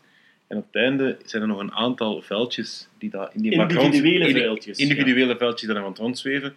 Dus de kans dat die dan door je filter gaan, uiteindelijk Ja. is redelijk klein. Dus Dat klopt, maar zelfs dan kun je, je kunt dat water, je kunt een constante stroom in dat water steken, waardoor dat die vuiltjes meegesleurd worden. Maar die deeltjes die botsen rond in het vacuüm, dus je kunt geen stroom in het vacuüm steken. Je moet gewoon wachten tot als hun pad toevallig uitkomt. En Dus hebben we echt vacuüm nodig of is bijna vacuüm Echt vacuüm bestaan niet, hè? Nee, maar... Goh. Oh. Waar, Nee, eh, nee, maar voor Hyperloop, ruimte. waar ligt die ondergrens? Ja, dat weet ik niet, maar allee, ik denk, ja, 00000 getalletje atmosfeer. Ja. maar, ja, maar zelfs, Ja. dat, maar zelfs, Ja. dat gaat, zelfs dat gaat waarschijnlijk over miljoenen deeltjes per kubieke meter, toch niet? Eh, idee. Ja, ik zeg nu Avogadro. miljoenen. Weet je wat? Want momenteel is het 10 tot de 23ste in een glas water, aantal deeltjes. Dus dat geeft u wel een 10 tot de 10 tot de 23ste in een glas water. ongeveer. En is dat het aantal deeltjes dat erin zitten en, het aantal atomen dus dat in een glas water In één glas water zit een eentje met 23 nullen achter, zoveel deeltjes zitten daarin. En dan... Ja, ja. ja. ja dat, die komen ongeveer... Toevallig. Dat is één mol. Een glas water is 1 mol deeltjes. 10 gram. En dus een, een, een vacuüm is dan 0,0001% ervan, maar dat zal nog altijd een miljoen of meer zijn. nog altijd, Heel veel deeltjes. Ja. Ik heb het opgezocht. Ze, ze mikken op eh, 100 pascal, een duizendste van een atmosfeer. Eh, voor, 1000ste van een atmosfeer. Dus normaal heb je eh, uh, 10 tot de 23ste per 22 liter, is denk ik. Hè? Ja, 20,4. Ja, PV is NRT. ja, voilà. En dus een, ja, een duizendste is daarvan. Ja, wat is dat? 10 tot de 20ste. Dat is 10 tot de 20ste in plaats van 10 tot de 23ste. Maar ja, goed, blijkbaar maakt het toch een. Allee, dat zal sowieso een gigantisch verschil maken voor de luchtweerstand. 1 millibar. 1 millibar, ja, goed. Maar ja, dus waardoor dat je er veel gemakkelijker door kunt vliegen. Ja. Goed, dat alles om te zeggen. Het, eh, het Hyperloop-team van de Technische Universiteit Delft reist binnenkort naar eh, SpaceX. En ik denk dat die waarschijnlijk wel te volgen gaan zijn via hun Twitter-account, social media enzovoort. Dus dat eh, ga ik dan wel doen. Verder was er in het nieuws dat ja, er was een soort gekke e-mail van Musk over ehm, sabotage door een werknemer. Hij heeft een e-mail gestuurd naar al zijn eh, dus medewerkers, eh, zijn employees, dat er eh, uitgebreide en, en schadelijke sabotage geweest, is over de Tesla-operaties. Er zijn heel veel andere bedrijven die Tesla dood willen. Het is eigenlijk zo'n mail die, die bol staat van een klein beetje paranoia. Ehm, en op het einde van de mail sluit hij af met maar we hebben de saboteur gevonden en nu gaan we volop voor die 5000 Model 3 auto's per week. Dus het is, ja, het, de mail leest een beetje als Even mijn werknemers bang maken, dan heb ik ze weer in het gareel en nu werken verloren. een Musk-scepticus zou dat kunnen afleiden. Maar het kan ook zijn dat er gewoon echt een dat kan, zat dat kan, maar dat is allemaal interne, interne, Ja. interne was natuurlijk. hè. Maar de laatste zin is wel belangrijk, want ze hebben, denk ik, in de laatste week van het kwartaal Ja. voor het allereerst hun eh, productiedoel van de Model Juist. 3 gehaald. Met, en dus eh, like 7000. 7000. Ja. 7000 auto's, ofwel 7000 waarvan 5000 Model 3 misschien was het dan. En dus voor de mensen die, ehm, die nog moeten inpikken, de Model 3 is eigenlijk, eh, wordt beschouwd als de eerste gewoon betaalbare, voor de gewone markt, elektrische auto van Tesla. Ehm, met als bedoeling om er heel veel te kunnen produceren. En dat heeft geweldig lang geduurd, eer dat die productielijn op gang kwam. Nu hebben ze voor het eerst dat doel gehaald, van die 5000 per week, denk ik dan. Ehm, maar wat ging ik eigenlijk zeggen? Dat weet ik niet, jong. Zuigen bestaan niet. Dat, is- dat is sowieso. Ze hebben, ze hebben dat doel gehaald, maar het nieuws dat er dan bij kwam, en ik spreek hier natuurlijk als Musk-scepticus, eh, de, de mensen in de fabriek daar hebben ongelooflijk lange uren moeten werken, blijkbaar. Werk, werkdagen van 12 uur of meer zijn, zijn standaard. En ook was er een beetje de, de onderhuidse verklaring van, kijk, je gaat niet naar huis voordat ze af zijn, die auto's. Ja. Eh, dat kun je natuurlijk niet, niet echt hard maken, maar natuurlijk, als dat het company policy is een beetje ondergeschreven, dan durf ik wel, niet naar maar- huis gaan. Dat, dat werd inderdaad gezegd dat in de laatste week van het kwartaal doen ze altijd een effort, omdat daarop dan ja, de cijfers gemaakt worden en de beurs en gelijk. Goed, maar dat was het gewone eh nerdnieuws, de eh, Musk-nieuws. Er is ook nog een Musk-nieuwsje, waardoor er iemand van het ene kamp naar het andere gaat overlopen, namelijk... Musk is, ja, en daar ben ik dus zelfs, ook al zit ik nog in het pro-Musk-kamp, ik ben het er volledig mee eens, Dus jij bent Musk niet de is- overloper. Nee, ik ben niet de overloper. Musk is eigenlijk wel een beetje grof geweest naar een illustrator. Dus misschien is de overloper wel een illustratrice Jeroen Baart. Mijn god, wie zou het kunnen zijn? Misschien wil jij het verhaal doen. Stefanie. Da. Zo Wat een is er gebeurd? bureaulamp op haar gezicht. Wel. Ah, ik heb het er heel moeilijk mee. Ehm, Ik snap dat. Ja, dat, is de eerste, dat is de eerste regel van de Musk Skepticus Club. dat is het, eerste, het, eerste, het eerste stadium waar onze nieuwe leden doorgaan, dat is eerst... Ja, moeilijkheid. Ongelooflijk. Ongelooflijk. Maar je moet dat laten binnenkomen. Stefanie, weet dat je altijd terug welkom bent aan deze kant. Ja. En hij werkt op u... Allee, ik bedoel, hij kruipt onder uw vel, hè, Jeroen Baart. In het Musk... Ze zijn met zo weinig bij de Musk-sceptici. Hij kruipt onder uw vel. Hij gaat alles doen om het te manipuleren. Laat u niet vangen, maar wees uzelf. Doe de verhaal. Doe de verhaal, Stefanie. We, luisteren, we, zijn hier om te luisteren. Ik wil, ik wil even zeggen, ik ben nog altijd een, een firme believer in, zijn technologie. Hè? Ja. Zie je wel? Ja, Zie je wel, Jeroen? Maar, Dat, dat laten ze los in stap Zo 2. moeten dat elkaar. maar oh, hij heeft daar zo'n lame ass zet gedaan. Hij heeft eigenlijk gewoon een, een, een hele kleine lokale pottenbakker heeft hij eigenlijk gewoon ja, in zijn gat genomen. Hè. Maar laten we beginnen van helemaal het begin. Ja. Op een bepaald moment is er een illustrator en die brengt Nee, een een, pottenbakker. een pottenbakker. En Pottenbakker en ze- die en brengt een en- koffietas uit. Voilà, en dus op die, op die tas staat een eh, e- eenhoorn die elektriciteit eh kakt. Hè? En de grap is, haha, elektriciteit is magie. Niemand weet waar dat, dat vandaan komt. Dus elektriciteit is goed voor het milieu, want elektriciteit is magisch, met daarbij een eenhoorn die, ik denk, een prot laat of kakt en daar komt elektriek uit. En, en. Musk, Musk, vond dat, Musk vond dat geweldig, heeft dat gekocht, heeft dat getweet, alles gedaan. Hij heeft, heeft, heeft dat getweet. Hè? En dus die kerel was blij. Die heeft allee, pakt 100 koffietassen meer Ja. gekocht. Maar Ja. dat was het dan ook. Eh, fast forward naar eh, een paar maanden later. Eh Musk maakt reclame voor de nieuwe Tesla tablet in de auto. En was, heeft hij daar opgetekend, toch wel niet diezelfde eenhoorn die naar elektriciteit krijgt zeker. Ja. En hij heeft, ja, letterlijk overgetekend. En dus die pottenbakker had al zoiets van, Oh. ja, dat, dat oké, maar het is eigenlijk wel mijn ontwerp. En nu blijkt het ook nog in, de, in het operating system eh, te staan van de Tesla zelf. Dus, en ze gebruiken het voor, voor, voor promotie, gebruiken het voor, eh, voor reclame.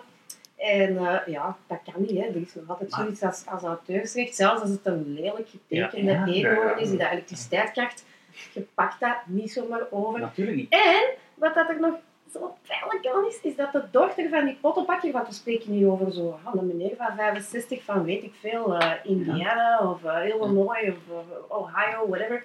En die zegt van, zeg maar, hallo meneer Musk, dat is eigenlijk een ontwerp van mijn vader. En ja, dismist die volledig en hij zegt van, ja zeg, ik heb toch uw, uw- sales geboost, eh, wat is het, gaan mij, gaan mij aanklagen, hoe, hoe, hoe. Ja, dus ja, super leem, super, super gemeen. Maar de dochter heeft dus heeft ze Musk eerst gecontacteerd, laten we zeggen privé, of is het onmiddellijk Twitter? Maar eh, dat, nee, maar dat, is, dat, dat vond ik het schrijnendste eraan. Die de mens zelf heeft een mail gestuurd Ja. naar proper. Tesla. En die mail heeft hij ook publiek gemaakt achteraf. En die was zo beleefd als dat je kunt zijn. En die zei van, ik ben een gigantische fan van wat je doet. Maar ik vind wel dat jij hier iets gebruikt wat van mij is. En hij schreef er zelfs op het einde bij... Ik denk dat we tot een vergelijk kunnen komen waar dat we alle twee tevreden mee zijn. En daar is niet op gereageerd. Dus ik vind, ja... Ik blijf Ja. aan de pro-Musk kant staan, maar dit heeft hij wel op de slechtst mogelijke manier aangepakt. Musk zijn reactie in tweets, die hij ondertussen verwijderd heeft, want zo is hij wel, er staat van, ja, uw vader kan mij aanklagen voor geld, maar dat zou redelijk lame zijn. Want ja, dat, Want ik heb zijn sales geboost. Dat inderdaad, ik heb zijn sales geboost, Ja. ik heb zijn sales geboost en ik heb zijn meuk populair gemaakt, gratis. Hoeveel wil uw vader voor deze vreselijke belemmering van de, van, van de rechtsgang? Allee, hoe- hoeveel wilt hem voor Ja, deze dit crime? is echt zo typisch Is echt- verhaal dat illustratoren elke dag moeten horen. Het ja. exposure verhaal. Ja. Uw naam staat erop. Zijn. Ja. Bands ook en muziekbands, dat is ook dat verhaal. Voilà, en Maar, is- ah, wel, maar het is een heel oud verhaal. ik weet het, maar ik ken, ik ken het first hand van vele grafici en vele illustratoren. En ik vrees dat Musk te weinig van die mensen in zijn vriendenkring heeft. Maar ja, ook die reactie die hij nu geeft, hè, van wat verwachten nu, en ik heb toch uw sales geboost. Ik denk dat zijn als het, als het te vatten valt in geld, zijn imago-schade is waarschijnlijk duizend keer groter dan, dan wat die mens waarschijnlijk gewild had voor die Die had illusie. helemaal niks gewild. Die had Nee. een, redelijk normale vergoeding. Ja, voilà. Geen gratis auto of zo, hè? Echt nee, gewoon van Maar hier zelfs- 5000 euro. Zelfs een gratis auto zou al beter geweest zijn dan Maar- deze dumpster fire. Maar een gratis auto was toch peanuts geweest voor Musk? Stel, stel dat je die mensen een Tesla geeft en die, en die tweet daarover, dan heb je een positief verhaal in de media. Zwat, we moeten hier niet de social media strategie van, van Elon... Ik vond het wel grappig. De dochter van die pottenbakster had... De, haar originele tweet was van... hey jongens, de, de boyfriend van Grimes heeft mijn vader zijn pot gepikt. om, om Elon Musk dan niet bij naam te noemen, vind ik, vind ik heel grappig. Oké, ja. Maar dus, welkom bij de Musk-sceptici. Wij doen twee eigenlijk een barbecue. We zullen zien als Op de kolen eerste... zeker, hè? We zullen zien als de eerste lancering van eh, mensen van op Amerikaanse bodem door Ja, SpaceX ja. gedaan Die wordt. pintjes Dan- voor de Falcon Heavy die komen er nog altijd aan, maar we gaan de, eh, we gaan de cijfers deze maand niet halen. dus die zijn vooruitgeschoven naar de volgende maand. Ik denk, eh, ik, denk, ik denk dat we een keer een podcast moeten doen in de laatste week van het kwartaal. En eens zien of, wat hij dan die pintjes mee. Maar eh, gewoon voor het concept en voor het spelletje, Stefanie, mogen wij u vanaf volgende maand in het kamp eh, eh, Musk Oh, aan? Ja, het is Ja, nu- het moet Ja, wel. Het maar moet wel ja. Ja, ja. Maar nee, misschien moet moeten we een opsplitsing maken tussen de technologie en de Nee, mens. Ja, nee. vind ik jammer. De technologie en de mens zijn één, er wordt hier niet opgesplitst. Je, Wacht, ja. wacht, wacht, wacht. Deze Maar- podcast komt op het internet en jij wilt nu op het internet een nuance op polarisering aanbrengen? Hedy? Ja, Dat wordt niet gedoogd. Heb je al eens gehoord van Twitter? ja, Is helaas. Musk-skepsis of niet? Eén van de twee. Eh, welk kamp, Stefanie? Ik, mag ik nog een maand weg? Nee. Ja. Oké, Ja, we laten... zet je, Oké, zet je eh, Musk-agnost. ja, je mag, Een neutraal kamp. ja, ik je zit mag daar ook. eh, Musk-agnost zijn gedurende één maand, maar niet langer. maand. Want anders is dat te verleidelijk. Ja. Bon, we hebben uiteraard nog andere gorillas in Silicon Valley, zoals ook Jeff Bezos. En die krijgt zowaar nerdpunten deze ja, maand. Ja, ja, ja, ja, absoluut. Ja. Hij heeft eh die Expanse gered, hè. Wat is die expense? Die Expanse is een, een, een ja, ik zie Wart knikken. Heb je Ja. het ook gezien, Een geweldige serie. Fantastische Ja. Science fiction serie, echt waar. Ehm, Stefanie en ik, wij zijn alle twee Star Trek fans. Er is een nieuwe Star Trek serie ook. En ik moet, ik moet eigenlijk bekennen, dit is wat dat een nieuwe Star Trek had moeten of Oh. kunnen zijn. Ja, sorry. sorry het Ja, waar. Stefanie, het is een zware maand voor u. Ja. Alles. Het Het is letterlijk Die uit. Expanse is een, een, is, ja, een Maar- knap gemaakte serie die eh, twee seizoenen lang op de zender Sci-Fi, als ik het goed heb, Ja, staat op werd Netflix ook trouwens. Ook op Netflix. Ja. Ah nee, nu... eh, Staat op Netflix al ja, twee Netflix seizoenen, ook. En dan na twee seizoenen heeft Sci-Fi beslist, we draaien de geldkraan dicht. Dan is er een, eh, een actie onder de fans opgestart, Save the Expanse.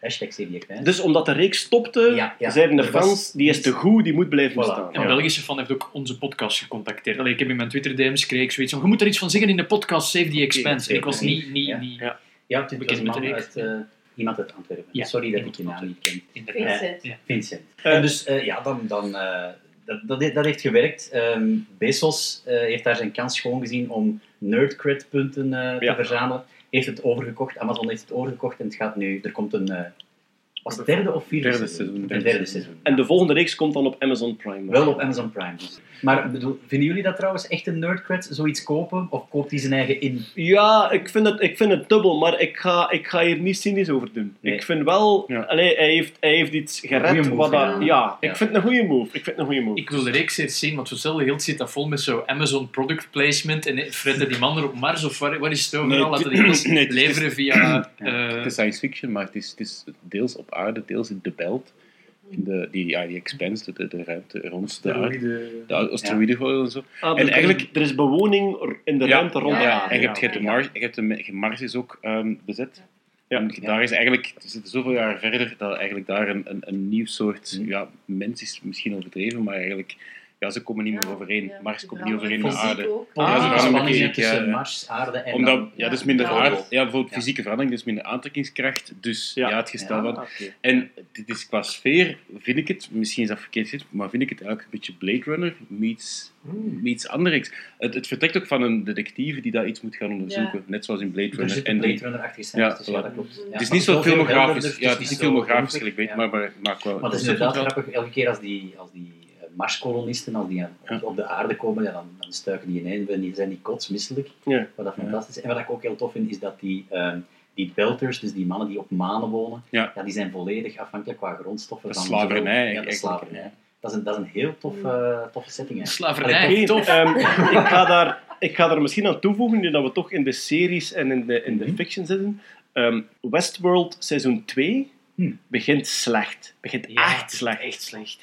Oei. En wordt dan zo fucking Ja. goed. Ja. Ik zit nog maar aan aflevering 3. Ah, Ja, wel, blijf- dan- blijf- blijf, Ja, ja, maar dat gaan we doen. blijf gaan. Ja, De, ja, ja. Eerste drie, de eerste drie zijn slecht. En daarna plotseling krijg je de twist. En ik zit ook nog niet aan het einde, want het is al gedaan, denk ik. Ja, is al Ja. gedaan. Ik zit nog niet aan het einde, maar opeens krijg je weer zoveel om over na te denken. En meer gaan we er niet over zeggen.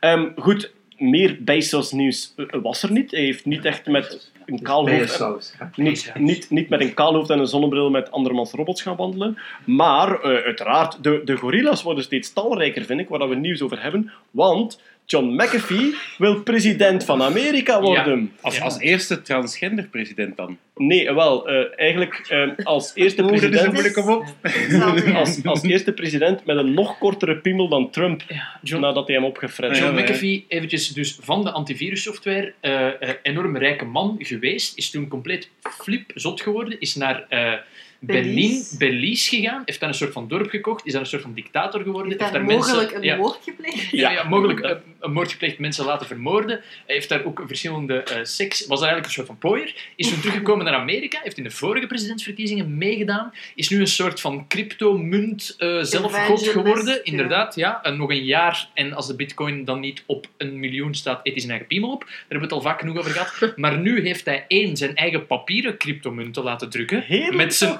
met, zijn, kop op, want dat, is, dat wordt de toekomst. Geloof hem. Gaat hij voor president runnen. En heeft hij bij gevolg ook in een tweet beweerd, en dit is mogelijk het raarste dat ik hier ooit gezegd heb, dat hij heeft meegedaan aan een eh, wedstrijd op Molokai, die jaarlijks doorgaat, waar het de bedoeling is om zo lang mogelijk seksuele betrekkingen te hebben met een walvis. Maar dat heb je al Een gezegd. walvis. Ah, ja, Ja. ja, ja. Een walvis, ja. Een humpback whale, zo lang mogelijk seksuele betrekkingen daarmee hebben. En kunnen daar volledig in? Kunnen daar volledig in krijgen? Wel, als je een, grote, als je een groot genoeg eikel bent, wel, denk ik. Maar goed, die is Die man is ja, knettergek. totaal maar goed, die presidentsverkiezing, daar zegt hij wel van... Ik ga het nooit winnen, Nee. maar ik zie het als publiciteit voor de cryptocurrency. Ja, want dat, zijn nieuwe identiteit. Zijn nieuwe, ja, zijn nieuwe identiteit is elke dag tweeten over een nieuwe cryptocurrency. Crypto-guru worden. Crypto ja. guru, ja.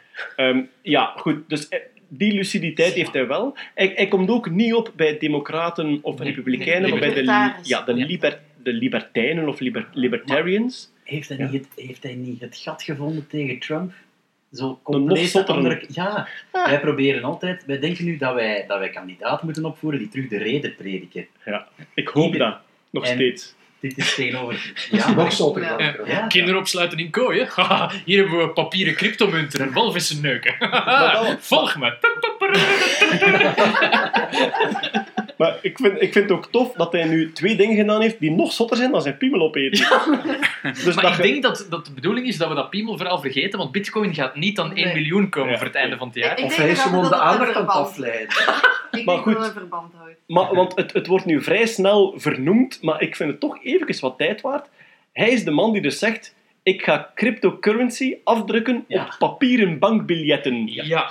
Dus Ja. de toekomst Ah, ja? is Ja. terugkeren naar de papieren bankbiljetten. En je kunt ze allemaal opzoeken eh, op Google. Hij heeft dus al ontwerpen van biljetten met watermerken en met zijn eigen kop op van 20 McAfee, want het heet ook McAfee, denk ik. ik ben meteen aan het opzoeken. Ik denk dat het letterlijk McAfee coin heet of zoiets. Ik bedoel, Oké, het, het- ja. het- het- ja. De koffie is twee McAfee. Het noemt Oh, letterlijk de McAfee. Ik, ik verzin het niet. Het één McAfee-biljet, dus het, de meest gebruikte valuta, is een foto van hem omringd door drie schaars geklede vrouwen. Waarom niet er een walvis, Jeroen? Het, het, het, vijf, Redemption het Units. vijf McAfee-biljet is een soort van portret van hem. Op het tiende McAfee-biljet staat een Aziat. dat is, het twintigste McAfee-biljet is een random white guy. Ik denk dat dat zijn crypto-helden zijn. Ah, en op de 100 McAfee staat hij zelf terug, maar in zijn badkamer. Ja. Ja.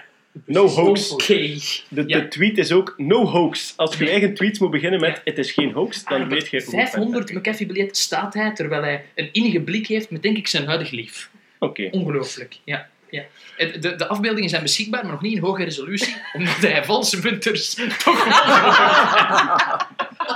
Want iedereen met een inkjetprinter kan zijn eigen McAfee maken. Dat is, Goed. John McAfee, ik denk dat hij nog gaat opduiken in ons Musk-nieuws. Misschien moeten we dat Musk-nieuws, zeker nu dat eh, Nerdist.com ook zijn Musk-watch heeft, misschien moeten we het ja, gewoon naar eh, Silicon, Valley, Gorilla. Ik heb nog eentje. En eh, hij valt qua gorillaheid valt hij helaas iets rationeler uit dan de andere. Larry Page van eh, Google. Die heeft een eh, bedrijf en dat heet Kitty Hawk Flyer. En die heeft zijn eerste werkende vliegende auto voorgesteld. Nu, we hebben al vaak gediscussieerd over een vliegende auto is toch een helikopter. En eigenlijk is dat ook zo. Maar dus waar nu geweldig op gewerkt wordt, zijn eigenlijk elektrische drones waar je in kunt zitten en waar je mee kunt rondvliegen. En hij heeft dus zo een elektrische drone, je kunt er met twee personen in zitten, daar hangen ja, een zestiental rotoren omheen. En eh, daarmee kun je rondvliegen. Ze hebben enkele werkende types al op hun, eh, in hun bedrijf. Ehm, en daar hebben al journalisten mee mogen rondvliegen. En die zeggen allemaal dat redelijk indrukwekkend is. Ze vliegen enkel over water nu, gewoon om veiligheidsredenen. Stel dat er nog iets mee misgaat, dat je gewoon in het water landt. De CEO van het bedrijf is Sebastian Trun. En ik weet niet of iemand die nog kent, Sebastian Trun. Was het Zeiler? Songfestival 19. Nee. Sebastian Trun was de leider van het winnende team van de Self-Driving Car Competition van DARPA. Dus jaren en jaren geleden heeft eh, DARPA een competitie uitgeschreven voor zelfrijdende auto's, toen dat concept nog niet eens bestond. Die eerste editie was een complete flop. Niemand is verder geraakt dan 800 meter of zo. De tweede editie, twee jaar later, waren er al een hoop bedrijven die veel verder stonden. En dat wordt nog altijd gezien als het echte begin van de zelfrijdende auto. Sebastian Troen was toen de leider van het winnende team van die DARPA-competitie, is daarna naar Google gegaan om daar de Google Self-Driving Car te ontwikkelen en is nu blijkbaar CEO geworden van die Kitty Hawk Flyer. En hij ontwikkelt dat mee. Op zich, er zijn meerdere van dat soort initiatieven momenteel die bezig zijn. En wat ze allemaal verbindt is, ze zijn elektrisch, ze zijn een beetje drone-technologie, meerdere rotoren. Ze hebben een vertical take-off, dus ze gaan omhoog. En ze zijn grotendeels zelfvliegend. Ehm, bij Uber zijn ze volledig zelfvliegend, dus moet je als bestuurder zelfs niets doen, maar gewoon je bestemming ingeven. En hier hebben we een joystick. En ik vond op zich nog wel een boeiend verhaal, dus ze hebben lang onderzoek gedaan naar waar sturen mensen het best mee. Is dat een stuur gelijk vroeger? Is dat een joystick? Of is dat een gamepad? Eh, Dus echt zo, de gamepad met de joysticks en de knopjes hebben ze ook getest. Uiteindelijk kwamen ze uit op een joystick. Maar het boeiende eraan vind ik wel, we gaan, we gaan heel duidelijk, los van, het zelf, los van het zelfrijdende, gaan we heel duidelijk naar een nieuw soort besturing. Namelijk, vroeger hadden we hendels, pedalen, sturen en moesten wij die manipuleren en moesten we leren welke manipulaties het juiste gedrag van het voertuig ontwikkelden om tot de plek te komen waar we wilden. En nu is het anders.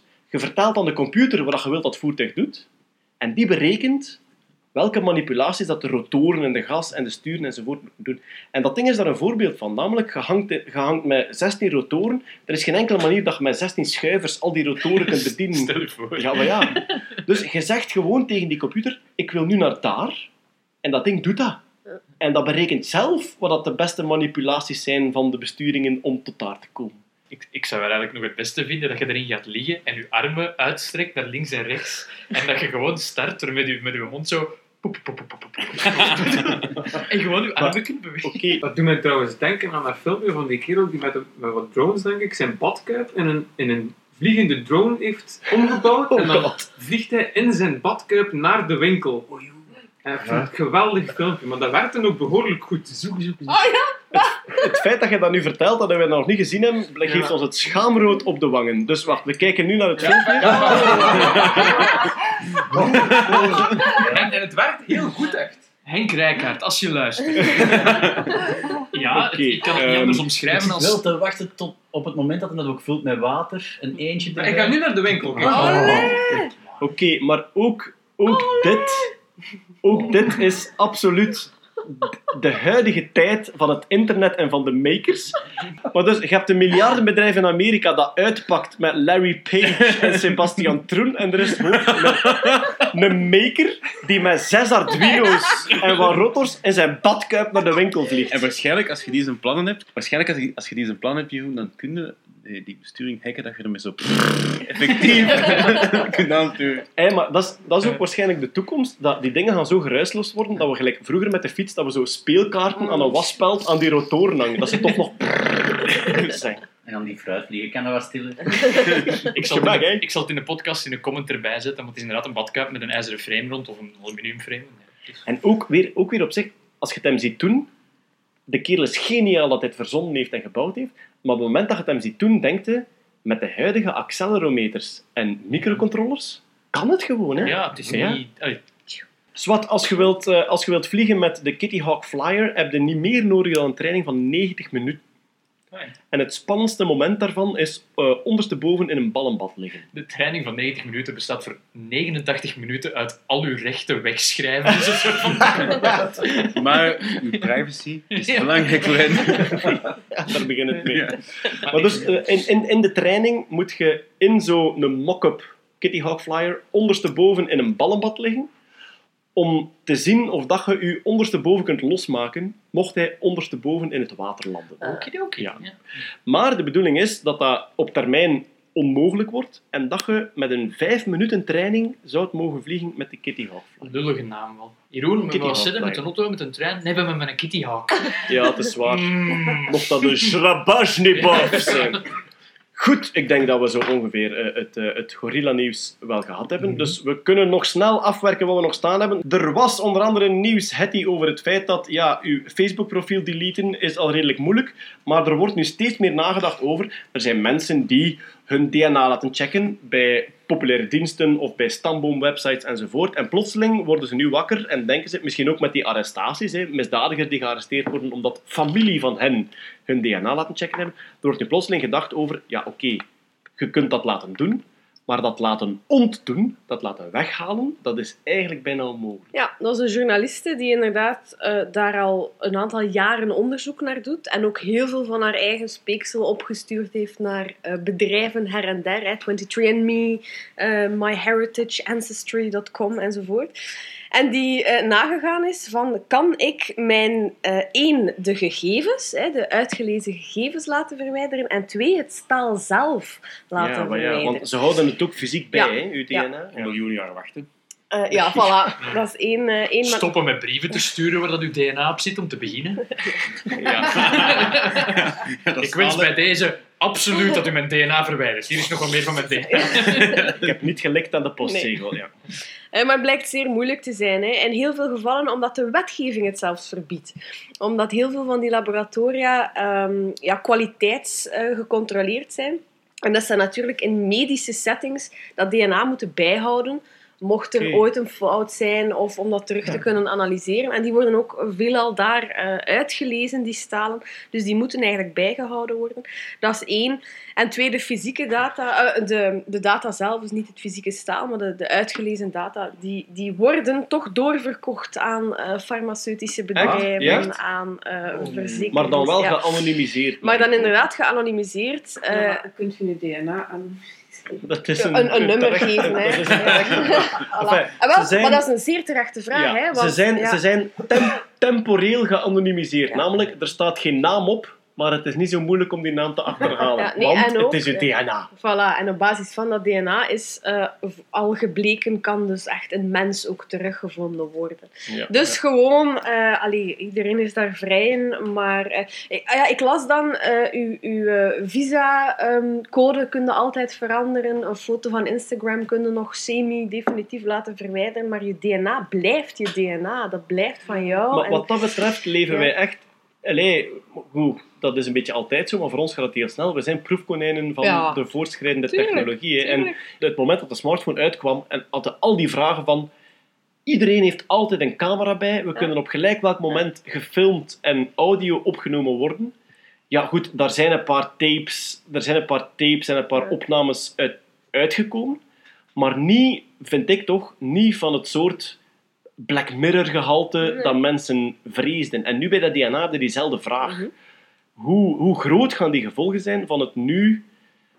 Ja, Ja, maar het is geen reden van DNA. om die vraag niet te stellen, Natuurlijk, denk ik. hè. maar je moet die vraag absoluut stellen. Ja, voilà. En omdat ze, want ik wil dat er absoluut aan toevoegen, het, het feit dat ze, vind ik toch, hè, het feit dat ze bij de camera en de audio-opnameapparatuur eigenlijk niet zo ver gekomen zijn als ons ergst, ergste nachtmerrie, wil niet zeggen dat dat voor het DNA ook zo. Dat Integendeel, ja. Mensen vertrouwen nu inderdaad van ja, wow, en bij Facebook is de, zijn de privacy-issues nog veel erger. Ja, oké, maar ik vind het geen reden om er niet over na te denken. Veiligste Dat is data is data die nooit is opgeslagen, klaar. Ja. Ja, goed, maar dan gaan we terug naar het stenen tijdperk. hè. Je wilt ook Nee, dingen opslaan. Maar dat komen ben, we ik ben wel... er niet akkoord mee met, met, met het feit dat camera's en telefoons, dat dat allemaal zwerg niet geworden is. Ik denk net dat we daar allemaal zo gewoon geworden zijn, dat de echte excessen nog gaan duidelijk worden. Maar zwart, kort nieuwtjes. Ja, maar nee, maar dat, ik ben, al ja, op zich is dat een mogelijkheid die ik volledig openlaat. Maar er is een schoon brugje tussen wat jij nu zegt en die DNA-analyse. Namelijk, in Engeland of in de UK is er een nieuw eh, project, een soort juridisch project, om alle DNA- en biometrische data te groeperen. Omdat, dus DNA-databanken van misdadigers en zo, die hebben we. Biometrische gegevens van onze paspoorten om door die automatische deurtjes in de luchthaven te gaan, die hebben we ook. Maar die zitten allemaal verspreid. En dus in de UK zeiden ze plots van, is het niet handiger dat we dat groeperen? Kunnen we efficiënter werken, zowel voor de veiligheidsdiensten enzovoort enzovoort. En daar kwam onmiddellijk de vraag bij van, hoe goed moet uw security zijn als alles wat je weet over uw bevolking, biometrisch en qua DNA, op één plek zit? Jeroen huivert. Ja, ik zie Jeroen huiveren. Ja, bon. Dus het zal efficiënter zijn, maar het risico zal ook gigantisch veel groter Dat worden. is gewoon, alleen risico tegenover opbrengst is totaal uit de voek in dat geval. Ik zou Ja, maar is, is, dat, is dat probleem dat we de opbrengst op korte termijn zien en dat het risico altijd een what-if is? Van Ja. wat als het fout gaat en het zal wel Ja, en ook omdat de opbrengst er bestaan is. Vroeger, als je als in de tijden van spionage en in de tijden van gegevens stelen, moest je letterlijk papieren kopiëren. Nu Ja. is het in een, een oogwenk heb je de data van een volledige bevolking op een USB-stickje gekopieerd. Hè. Ja. Dat is... Die Allee, Mission Impossible films die duurden ook lang, hè. die doen lang. hè. Cruise, Cruise dat er zat te schrijven. Ja, ondersteboven aan het plafond. De, film, de films van de toekomst zijn eigenlijk drie seconden. Ja. Drie seconden zo loggegevens van een download en dan... Ja. Oké. Wat hebben we nog staan? Eh, ja, ehm, er is een computer die kan debatteren. Het is eh, een, een, een stap in de artificiële intelligentie. Ik denk dat het van IBM is. Ja. En het is dus waarschijnlijk in de lijn van de eh, Watson-computer, die Ja. waagstuk gewonnen heeft en die ook in zijn volgende fase geholpen heeft bij ehm, Medische ja. vooral kankeronderzoek. De- ja, kankerdiagnose. Het moment dat een dokter alle symptomen ingeeft, in plaats van dat die dokter op zijn eigen geheugen moet denken van wat is er allemaal mogelijk, gaat hij een Watson artificieel intelligent gaan browsen door alle publicaties en cases waar hij toegang tot heeft en komt hij veel sneller tot een veel juistere diagnose dan de menselijke arts.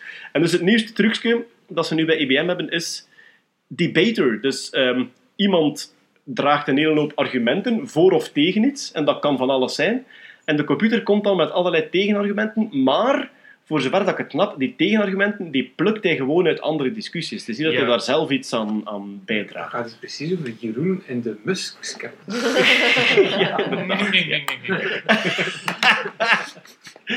Dat zie ik Project Debater nog niet doen. Dat is met drie lijntjes code. Hè. Ja, maar dus hij, hij plukt gewoon uit discussies die elders al gevoerd zijn, denk ik, en hij geeft Maar hij doet, hij doet ook een soort van linguïstische analyse erop en hij probeert ook stru- structuur in de, in de, wat ik ervan gelezen heb, in de bestaande literatuur probeert hij structuur te weven en ook een soort van, voor zichzelf ook een beetje devil's advocate te spelen. Dus het is Ja, een soort van AI, machine learning systeem. Dus hij gaat op voorhand al verschillende branches van het debat afgaan om te zeggen van oké, als de persoon dan dat argument opbrengt, heb ik daar dit argument tegen. Je kunt debatteren eigenlijk ook zien als een soort van spel. Jij hebt een race Ja. argument dat je kunt bovenhalen, ik heb een race Ja, argumenten dat ik ja, kan dat bovenhalen. En de volgorde waarin dat we die bovenhalen kan switchen, dat wie dat we geloven ja. of niet. Als ik mijn hoofdargument tot het laatste hou en ik smijt dat dan op tafel en de tijd is om, dan Ja, ben ik misschien. Oh, my. Dus net gelijk schaken en dammen opgelost zou kunnen zijn, kijk ik toch echt uit naar het moment dat debatteren opgelost is. Ja, dus eigenlijk, ik heb zo eens een idee ge- ge- ge- voor de grap getweet van een, om een bot te maken, een logical fallacy bot. Dus dat zou eigenlijk wel mogelijk zijn. Hè? Als je een linguïstisch onderzoek kunt doen van mensen hun argumenten, zou je eigenlijk een bot kunnen programmeren om te kunnen zeggen, ah, Dat is, dat is slippery slope. Dat is, Slippery slope, ja. Ja, maar het, het, het, enfin, dit- in dit project, die, die robot, is niet zuiver logisch en rationeel. Hij gaat zelfs argumenteren op een beetje manipulatieve, emotionele manier Van wie leeft of van wat leeft hij? uit vorige Ah ja, discussies. dan, is, dan, heeft hem, dan Ja. mimiekt hem menselijk gedrag. Of Ja. menselijk, eh, Ja, inderdaad. Misschien Maar gaat er- zoals wij ook doen Ja. in ons Maar opvoeding. Maar waarom willen gaat- we dat? Ja, voor hen, voor hen is dat een showcase. Voor hen is het gewoon van, kijk, schaken, dat schaken te herleiden is tot hele complexe eh, eh, patronen die je lang op voorhand kunt voorspellen en uitrekenen, ça va. Maar een persoon die een argument geeft en een tegenargument, is nog iets anders. Het enige ik mij nog afvraag is hoe dat zit met de stap spraakherkenning en analyseren van spraak. Dus of dat ze ja, de hele tekst die gezegd wordt door de menselijke debater, of dat ze die ook intypen, of dat hij die echt hoort en analyseert en kan Volgens snappen, dat weet ik niet. Ja? Zuiver op Project audio. Debater can listen and digest long, continuous spoken speech up to 4 minutes of it. Waarschijnlijk om de rekentijd toch iets wat te Ja. beperken. Maar ja, Maar- rekentijd is elk Ja, jaar vier minuten. Maar, maar die gaat ervan uit dat een andere een, een, een redelijk debat voert. Ja, nee, maar mensen debatteren niet redelijk, mensen zeggen. debatteren emotioneel. Ja, maar om tegenargumenten te... Hij moet een argument ergens uithalen. Om Ja, je kunt daar niet tegen zeggen appel, appel, appel, appel, appel. Ja. Het- Misschien, misschien is de voorbije tien jaar op Twitter gewoon een Ja. dataset Ja, die wij nu kunnen voeden aan die ik computer. weet, kan die in mijn plaats debatteren met klimaatskeptici op Twitter, want dan, dan koop ik dat wel. Ja, oké, zelfs, zelfs bijen verstaan het concept niet reageren. dus ik denk dat we... we gaan naar het suikerwater. Mmm, suikerwater. Goed, nog korte nieuwsjes. We hebben het daarover gehad. Ehm, eh, Venus, eh, Venus en zeker Mercurius zijn te warm om daar eh, rovers naartoe te sturen. hè. Dus op Mars rijdt er zo'n rovertje rond. Op Venus en Mercurius gaat dat niet, want dat is te heet. Die elektronica die wordt gewoon kapot gebakken. En er is nu een nieuwe afdeling binnen de NASA. eh, en ze heet eh, Innovative Advanced Concept. NASA IAC. Ja. En dus wat zij doen is, zij gaan zoeken naar... Dus ehm, het idee waar dat zij nu op zitten denken is een rover zonder elektronica, maar gewoon met tandwielen. Dus uit een soort hittebestendig materiaal tandwieletjes maken, die ook dingen kunnen observeren. En zij noemen nu Theo Jansen als een van hun inspiratoren. Wauw! Dus die- Ja, dus die man die die strandbeesten maakt, die die stappende strandbeesten maakt. En zij hebben een filmpje gepost. Ze hebben een filmpje gepost van een eh, volledig mechanisch gestuurde rover die rondloopt op Theo Jansen poten. Als er ooit tijdens ons leven op Venus een mechanisch rovertje rondloopt op Theo Jansen poten, ja, dat zou toch, dat zou toch het grootste eh, nerdgasm zijn dat er bestaat. Nu we het over planeten hebben, de kop van de maand met een planeet is A massive object devastated Uranus a long time ago and it never fully recovered.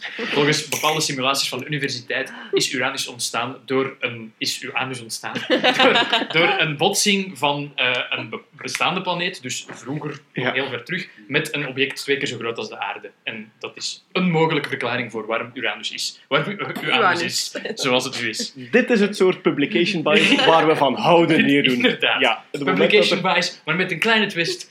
Het is, toch, het is toch fantastisch om Uranus-onderzoeker te zijn, omdat Ja. alles wat je met een beetje creativiteit in de juiste zin krijgt, hè, dat wordt Ja, gepubliceerd. Dus hè, word gewoon Uranus-onderzoeker en eh, ja, met de juiste copywriter kom je constant in het of- nieuws. Eh, goed, maar ehm, over planeten gesproken.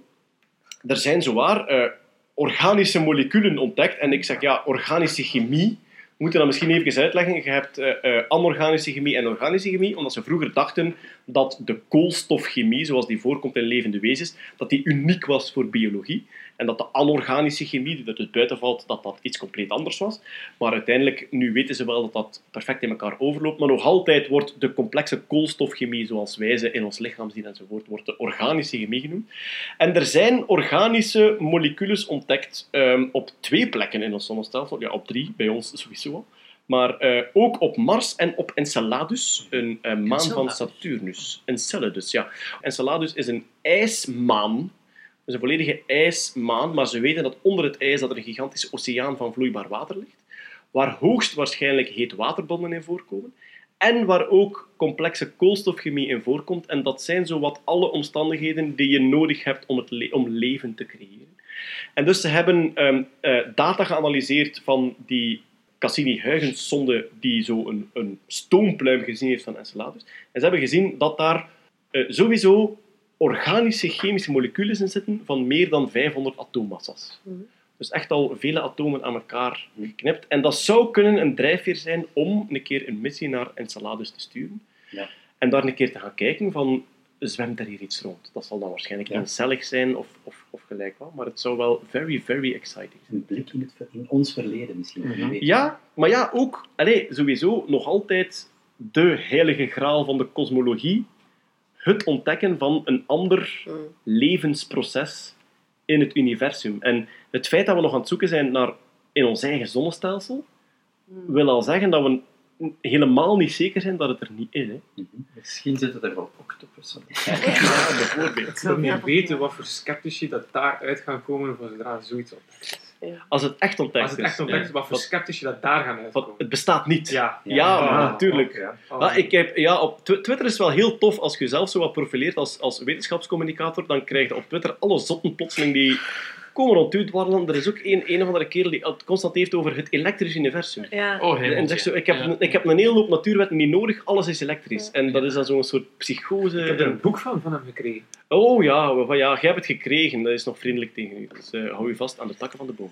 Eh, maar op Mars, op Mars net hetzelfde. Op Mars hebben ze ook eh, ehm, eh, koolstofchemie ontdekt. Eh, bon, dat zijn eigenlijk allemaal voetnoten. Hmm. Die geven allemaal een soort piepkleine kans dat er meer van komt. Maar het resultaat, mocht er meer van komen, is wel echt absoluut gigantisch. Goed, ehm, wat hebben we nog staan? Ze zijn, als ik me niet vergis, en Wart, jij moet mij verbeteren, in CERN, het Higgs-boson is nu ontdekt en bevestigd en er, er worden nog wat voetnoten en punten en commas aangebracht. Maar ze gaan hun blik nu richten op iets nieuws. Eh, Ik heb niet echt een overzicht over waarom dat ze- over, de, eh, over het idee van LHC, eh, over wat ze in CERN doen over de laptopquarks. Ik weet gewoon dat ze er naar op zoek zijn. Maar, Maar dus Leptoquark is een soort nieuw iets. En er was een, er was een conferentie over vorige week. Hè. Er was een conferentie over die Leptoquark vorige week. Maar dat zou een soort mogelijke nieuwe focus zijn voor het onderzoek in de deeltjesfysica. Want dat zou een heel belangrijke ontdekking zijn als ze kunnen bewijzen dat dat bestaat. Ja, dus het, het principe van, van wat wij deeltjesfysici ons op baseren en eh, wat wij voornamelijk doen, eh, is om proberen te ontdekken van iets nieuw. En dus dat nieuw kan van alles zijn, maar een bepaal, bepaalde nieuwe dingen, als we ze zien, zouden aanleiding geven tot iets van eh, tot een nieuw model dat we moeten verzinnen. Dus we hebben een, een redelijk stevig model, het standaardmodel zoals we dat noemen. En Een beetje de Lego-doos, waar alle Ja. blokjes in zitten. en daarmee kunnen we extreem veel verklaren. Dus er zijn bepaalde vraagstukken die we niet goed kunnen oplossen. Eh voor donkere materie enzovoort. Eh, dus er zijn dingen die we niet weten. Eh, maar er zijn bepaalde theorieën, er zijn theorieën en die proberen dan theorieën te maken om wat we nu al weten nog verder te combineren naar iets, naar, naar nog één grotere formule. Dus ik kan eigenlijk zeggen dat we nu twee formules hebben voor bepaalde theorieën en die willen we eigenlijk combineren naar één grotere formule. Dus Dat- eigenlijk willen we theorieën combineren naar een grotere theorie die alles omvat. Dat is toch heel vaak de drijfveer in de theoretische fysica is, je hebt verschillende dingen die apart lijken te bestaan, maar we kunnen ze combineren. Hè. Je, hebt, je hebt een hele hoop atomen, maar plotseling zien we, wacht een keer, met elektronen en protonen en neutronen in andere combinaties, kunnen we die allemaal bouwen. Dus je hebt een soort overkoepelende theorie. Ja. En daar zijn ze altijd maar weer naar op zoek. Nog, nog een stapje Het over. probleem is dat een oplossing voor alles is we een nieuw deeltje zoeken. Dat is vandaag de dag zo. Ja, Is dat de Ja. Grand Unifying Theory? Ja, ja dus dat is grand. Dat is, eh, één, er zijn verschillende dingen, dus bijvoorbeeld elektriciteit en magnetisme is gecombineerd met het elektromagnetisme, dan heb je nog de zwakke kracht, dat werkt dan de elektrozwakke enzovoort. Dan heb je nog verschillende mogelijkheden om de theorieën verder te combineren. En dus één van die mogelijke theorieën is, is dat we ehm, leptonen en quarks kunnen combineren. Nu, wat zijn leptonen en wat zijn quarks? Ehm, de materie rondom ons, zoals Lieven al aangaf, is voornamelijk eh, elektronen en protonen en neutronen. Kunnen we, protonen en neutronen bestaan eigenlijk uit op- en downquarks. Dus uiteindelijk bestaat alles dat wij kennen uit leptonen en quarks. Dat zijn nog twee redelijk onder, eh, subklassen, zogezegd, die we kunnen onderscheiden. Uh, maar dus alle materie zijn ofwel leptonen ofwel quarks, maar ze delen bepaalde kenmerken. Bijvoorbeeld, ze hebben allebei dan eh, onderdeel, eh, bepaalde deeltjes ervan hebben een elektrische lading. Ze hebben ook een zwakke lading, ik ga er niet verder op ingaan. En om de een of andere reden komen zij ook in drie families voor. Dus voor de leptonen heb je het elektron, dat is het ene, daarvan kennen we het allemaal. Dan heb je een ander, het muon en het tau. Bij de quarks heb je het soortgelijk, die komen ook in drie families voor. Maar waar dat die drie vandaan komt, dat weten we dan voor het weer niet. We weten niet waarom het er drie zijn. Maar het lijkt wel iets universeel te zijn. En het feit dat ze ook bepaalde kenmerken gemeen hebben, met elkaar, doet ons vermoeden dat het misschien zou zijn dat ze eigenlijk één groter iets zijn dat gecombineerd kan worden. Maar dit, dat uitzicht niet in onze alledaagse wereld, om van allerlei redenen waar ik nu niet verder op in kan gaan. Maar dus in theorie zou je ze kunnen combineren. En wat proberen ze nu in, in CERN bijvoorbeeld te doen, is daarom naar op zoek te gaan. Dus als je die zou vinden, zou je kunnen zeggen, leptoquarks bestaan.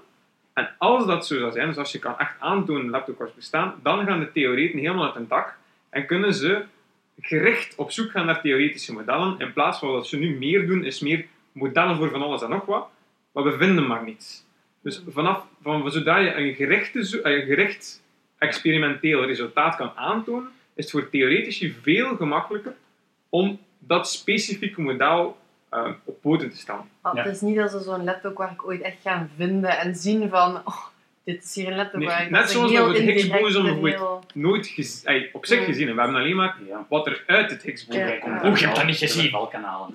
Ja, het- En het is, ja, Het verval, ja. Ja. Ja, ik, ik, zag, ik las een mooie vergelijking waar zoiets van, er gebeuren dingen achter het gordijn en je hoort dat er iets gebeurt, maar je, je ziet niks of je kunt, kunt niet goed ja, waarnemen. dat is, ja, dat is met directoren praktisch altijd zo. Mm. De, de wiskunde vertelt u wat, dat die, wat, dat, wat dat die deeltjes, als die onderling eh, interageren, wat dat de vervalproducten en de beginproducten zijn. En dat is wat dat je gaat zien in zo'n detector. Eh, heel veel van die deeltjes zijn ook maar heel instabiele tussenfases. Dus die vervallen, die zijn ten Mm. eerste al enorm zwaar en instabiel, dus die, die vervallen. Ja, maar je zo kunt dan zien. van, ah, kijk, hier komt dat, dat en dat uit. Dat kan niet anders dan dat geweest zijn. Zo'n leptoquark zou heel zwaar zijn. Ja, Ja, gigantisch. het, zou heel zo- het, is natuurlijk ook niet eenvoudig om die dingen te vinden, omdat het- ja, je moet het eigenlijk aflei- afleiden en bepaalde aannames eh, veronderstellen enzovoort. En net omwille van die reden, omdat het echt niet eenvoudig is, hebben ze bijvoorbeeld al fouten gemaakt. En zo dachten ze in de jaren 90, eh, met de Hera-versneller, dachten ze eventjes het laptopquark gevonden te hebben. Uiteindelijk bleek dat dan niet waar te zijn, is dan met andere versnellers nagaan, oké, het was inderdaad niet waar. Mm. Dus het is echt niet eenvoudig om dat aan te tonen. Ehm, net zoals bijvoorbeeld het Higgs-boson, de meesten wisten het wel, oké, het is ontdekt. Maar om het officieel bekend te maken, daar gaat dan maanden checks en controles Dat is over. nog en- snel. Hè? Maar dus je, hebt, hij- dus je hebt die leptonen en die quarks. De grote droom is nu, die zijn afstammelingen van dezelfde, van dezelfde oorsprong, namelijk de leptoquark die er eigenlijk boven hangt, die, wat- ja, die vervalt tot die leptonen of die quarks. Om dat te kunnen verifiëren, moet je dat eigenlijk creëren en dan zijn verval... Want het, het spat onmiddellijk uit elkaar, maar je kunt wel alles, alles wat rondspat kunnen detecteren en daaruit afleiden dat het er geweest is. Maar dan zit er wel natuurlijk met je ESMC kwadraat. Namelijk, als je een deeltje wilt creëren, dan moet je energie omzetten in massa. Ja. En het probleem met Higgs-boson was, ja, je had heel veel energie nodig om dat ding te creëren. En CERN, ja, de LHC is daar net geraakt.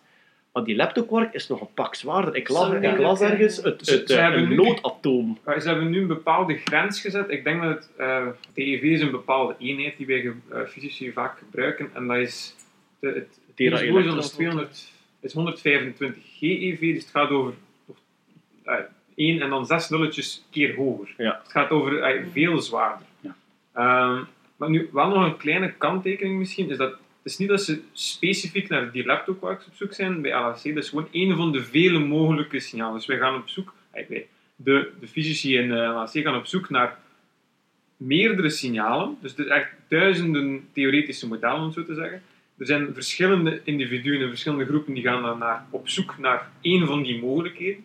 En dan van zodra er één van die mogelijkheden on- ontdekt is en gezien is, dan kunnen we veel andere modellen uitsluiten. En het is eigenlijk een beetje op die manier dat we tegenwoordig aan, aan deeltjesfysica proberen te doen. Lieven, jij spreekt over het creëren van deeltjes. Ja. Bestaat er dan een risico dat wij iets creëren dat eigenlijk nooit natuurlijk kan bestaan hebben of niet? Ehm, wat, wat ook leuk is om te beseffen, is dat elke mogelijke energie die wij gaan kunnen maken, is er ooit al eens geweest, namelijk de Ja. Big Bang. En dat is elkaar Wij zitten al in een heel Ja. koud en energielaag deel van het, Ja. van het En universum. zitten niet ook met, met het, het bombardement van gewoon kosmische deeltjes en zonnedeeltjes op onze atmosfeer, zitten daar niet ook zelfs hoger dan in, dan in CERN? Ja, ja, wij zitten daar veel eigenlijk. Dat gaat nog over, eh, ehm, als ik me niet vergis, CERN zit nu op acht, ongeveer 10 TeV en dan Tera- kunnen tot deel, 13 eh, de, ja, wij gaan tot PEV, eh, EEV, dus dat is nog Veel, ja, veel groter. Is nog Maar omdat in de chemie is dat niet zo, maken ze toch soms elementen die nooit natuurlijk bestaan hebben. Goed, maar je hebt natuurlijk en kosmisch natuurlijk. Oké. Er, goed, ik denk, er zijn, er, zijn, er zijn een paar toestanden waarvan we met grote waarschijnlijkheid kunnen zeggen, ehm, die gaan in de kosmos waarschijnlijk niet voorkomen, tenzij dat iemand ze, Gemaakt dat een intelligent wezen ze creëert. Ja. En ik denk bepaalde chemische verbindingen, Mhm. maar bijvoorbeeld ook hele koude temperaturen. Mhm. Dat we eigenlijk kunnen zeggen van ja, we kunnen niet echt een proces bedenken dat tot die vorm van geweldig koude temperatuur Mhm. komt. Maar of dat dan met, met het, het bombardement... Ja, je hebt, je hebt de Big Bang gehad sowieso. Hè. Dus Ja. je hebt die op, opeenstapeling van energie ooit al alles dat de natuur kan maken, of wat wij kunnen maken, die energie is ooit al er eens geweest, namelijk in de Big Bang, waar alle energie gebundeld zat in één. Ik ga, mijn, ik, ga mijn, ja, ik ga mijn man in de straatpet even opzetten. Ja. Bon. Heb je een grotere machine nodig om dat te zoeken? Of gaat dat met dat huidige ding in Zwitserland er geraken? Dat wij betalen daar hiervoor met onze belastingen. En, eh, sorry, hè, maar dat vorige net pas gevonden, nu wilden we weer iets nieuws. Het kan niet elke dag kerstmis zijn, hè? Eh, ja, dat, als je het op voorhand al weet dat je het gaat vinden, dan is het er niet echt nuttig om het experiment te doen. Dus we weten niet wanneer of, of, of we het vinden. En het is ook een heel specifiek voorbeeld. Zoals ik al zei, in de LHC doen ze extreem veel experimenten. Dus het is niet dat we die miljoenen euro's die naar daartoe gaan, Dat gekost. dat we daar eh, met ey, één ding naar op zoek gaan. Ze doen echt, ze proberen om zoveel mogelijk dingen met wat ze voorhanden Ja. hebben toch naar te zoeken, om zoveel mogelijk efficiëntie te verhogen naar. Zoals ik wel eens Dat zeg, ik eh, zoals ik wel eens zeg, het duurste experiment in Europa na de brexit. Maar... Als je die laptop werkt vindt, is dat dan een Nobelprijs? eh? Ja. Ja, dat is, dat is Maar wel- na dat is wel 30 waar. jaar. Ja. 30 Van, vandaar, zijn, vandaar zijn vraag daarnet. Van, oeh, je hebt een bacterie die een nazi binnen al. Krijg je daar een Nobelprijs voor? Dat is een fysicusvraag. Ik heb nog altijd meer kans dan Happy. Hoe oud, hoe oud is het standaardmodel? Gelijk dat we het nu kennen. Allee, los van X natuurlijk. Van zo. Ik denk dat dat in de jaren 70 tot 80 zo wat gefinaliseerd is. Zo Ja, in zijn huidige vorm, denk ik. Jaren 70 à 80. Goed. We gaan afsluiten, eh, dus ik overloop gewoon nog snel wat we hier nog staan. Al we hadden nog een paar eh, recalls, een paar dingen uit vorige podcast die we moesten rechtzetten of, eh, of vermelden gewoon. Bram Leunis bijvoorbeeld op Twitter, eh, die vraagt ons om niet meer oké Google te zeggen op de podcast. Omdat dit Omdat, omdat zijn telefoon daarop reageert. dus die luistert. Dus Dus geen we mogen oké niet meer Google. oké Google. Geen oké Nee, Google. nee, dus geen oké Google. En ook, wat we ook niet meer mochten doen, denk ik dan, is hey Siri zeggen. En ook, wat dat geweldig vervelend zou zijn, is als iemand zegt oké Google, call mom. Hè? En dus inderdaad, Peter wijst nu op de ironie dat mijn telefoon nu reageert op de hey Siri. Maar Oké, Google, midget pornography. Stop, stop! Ja, zoals dat je kunt zeggen, hey Siri, bel mama. En dat zou dus vervelend zijn voor ons luisteraars, dus we gaan dat niet meer doen. Nee. Sorry Bram Leunis, we gaan Bram. nooit meer oké Google zeggen. Ik ga dat ook al direct tegen mijn Siri zeggen. Dus, hey Siri, oké Google, niet meer zeggen. Alexa. Bon. Ehm, ja. Verder moesten wij zeker nog vermelden dat eh, eh, in augustus gaat er weer een Fright Camp plaatsvinden.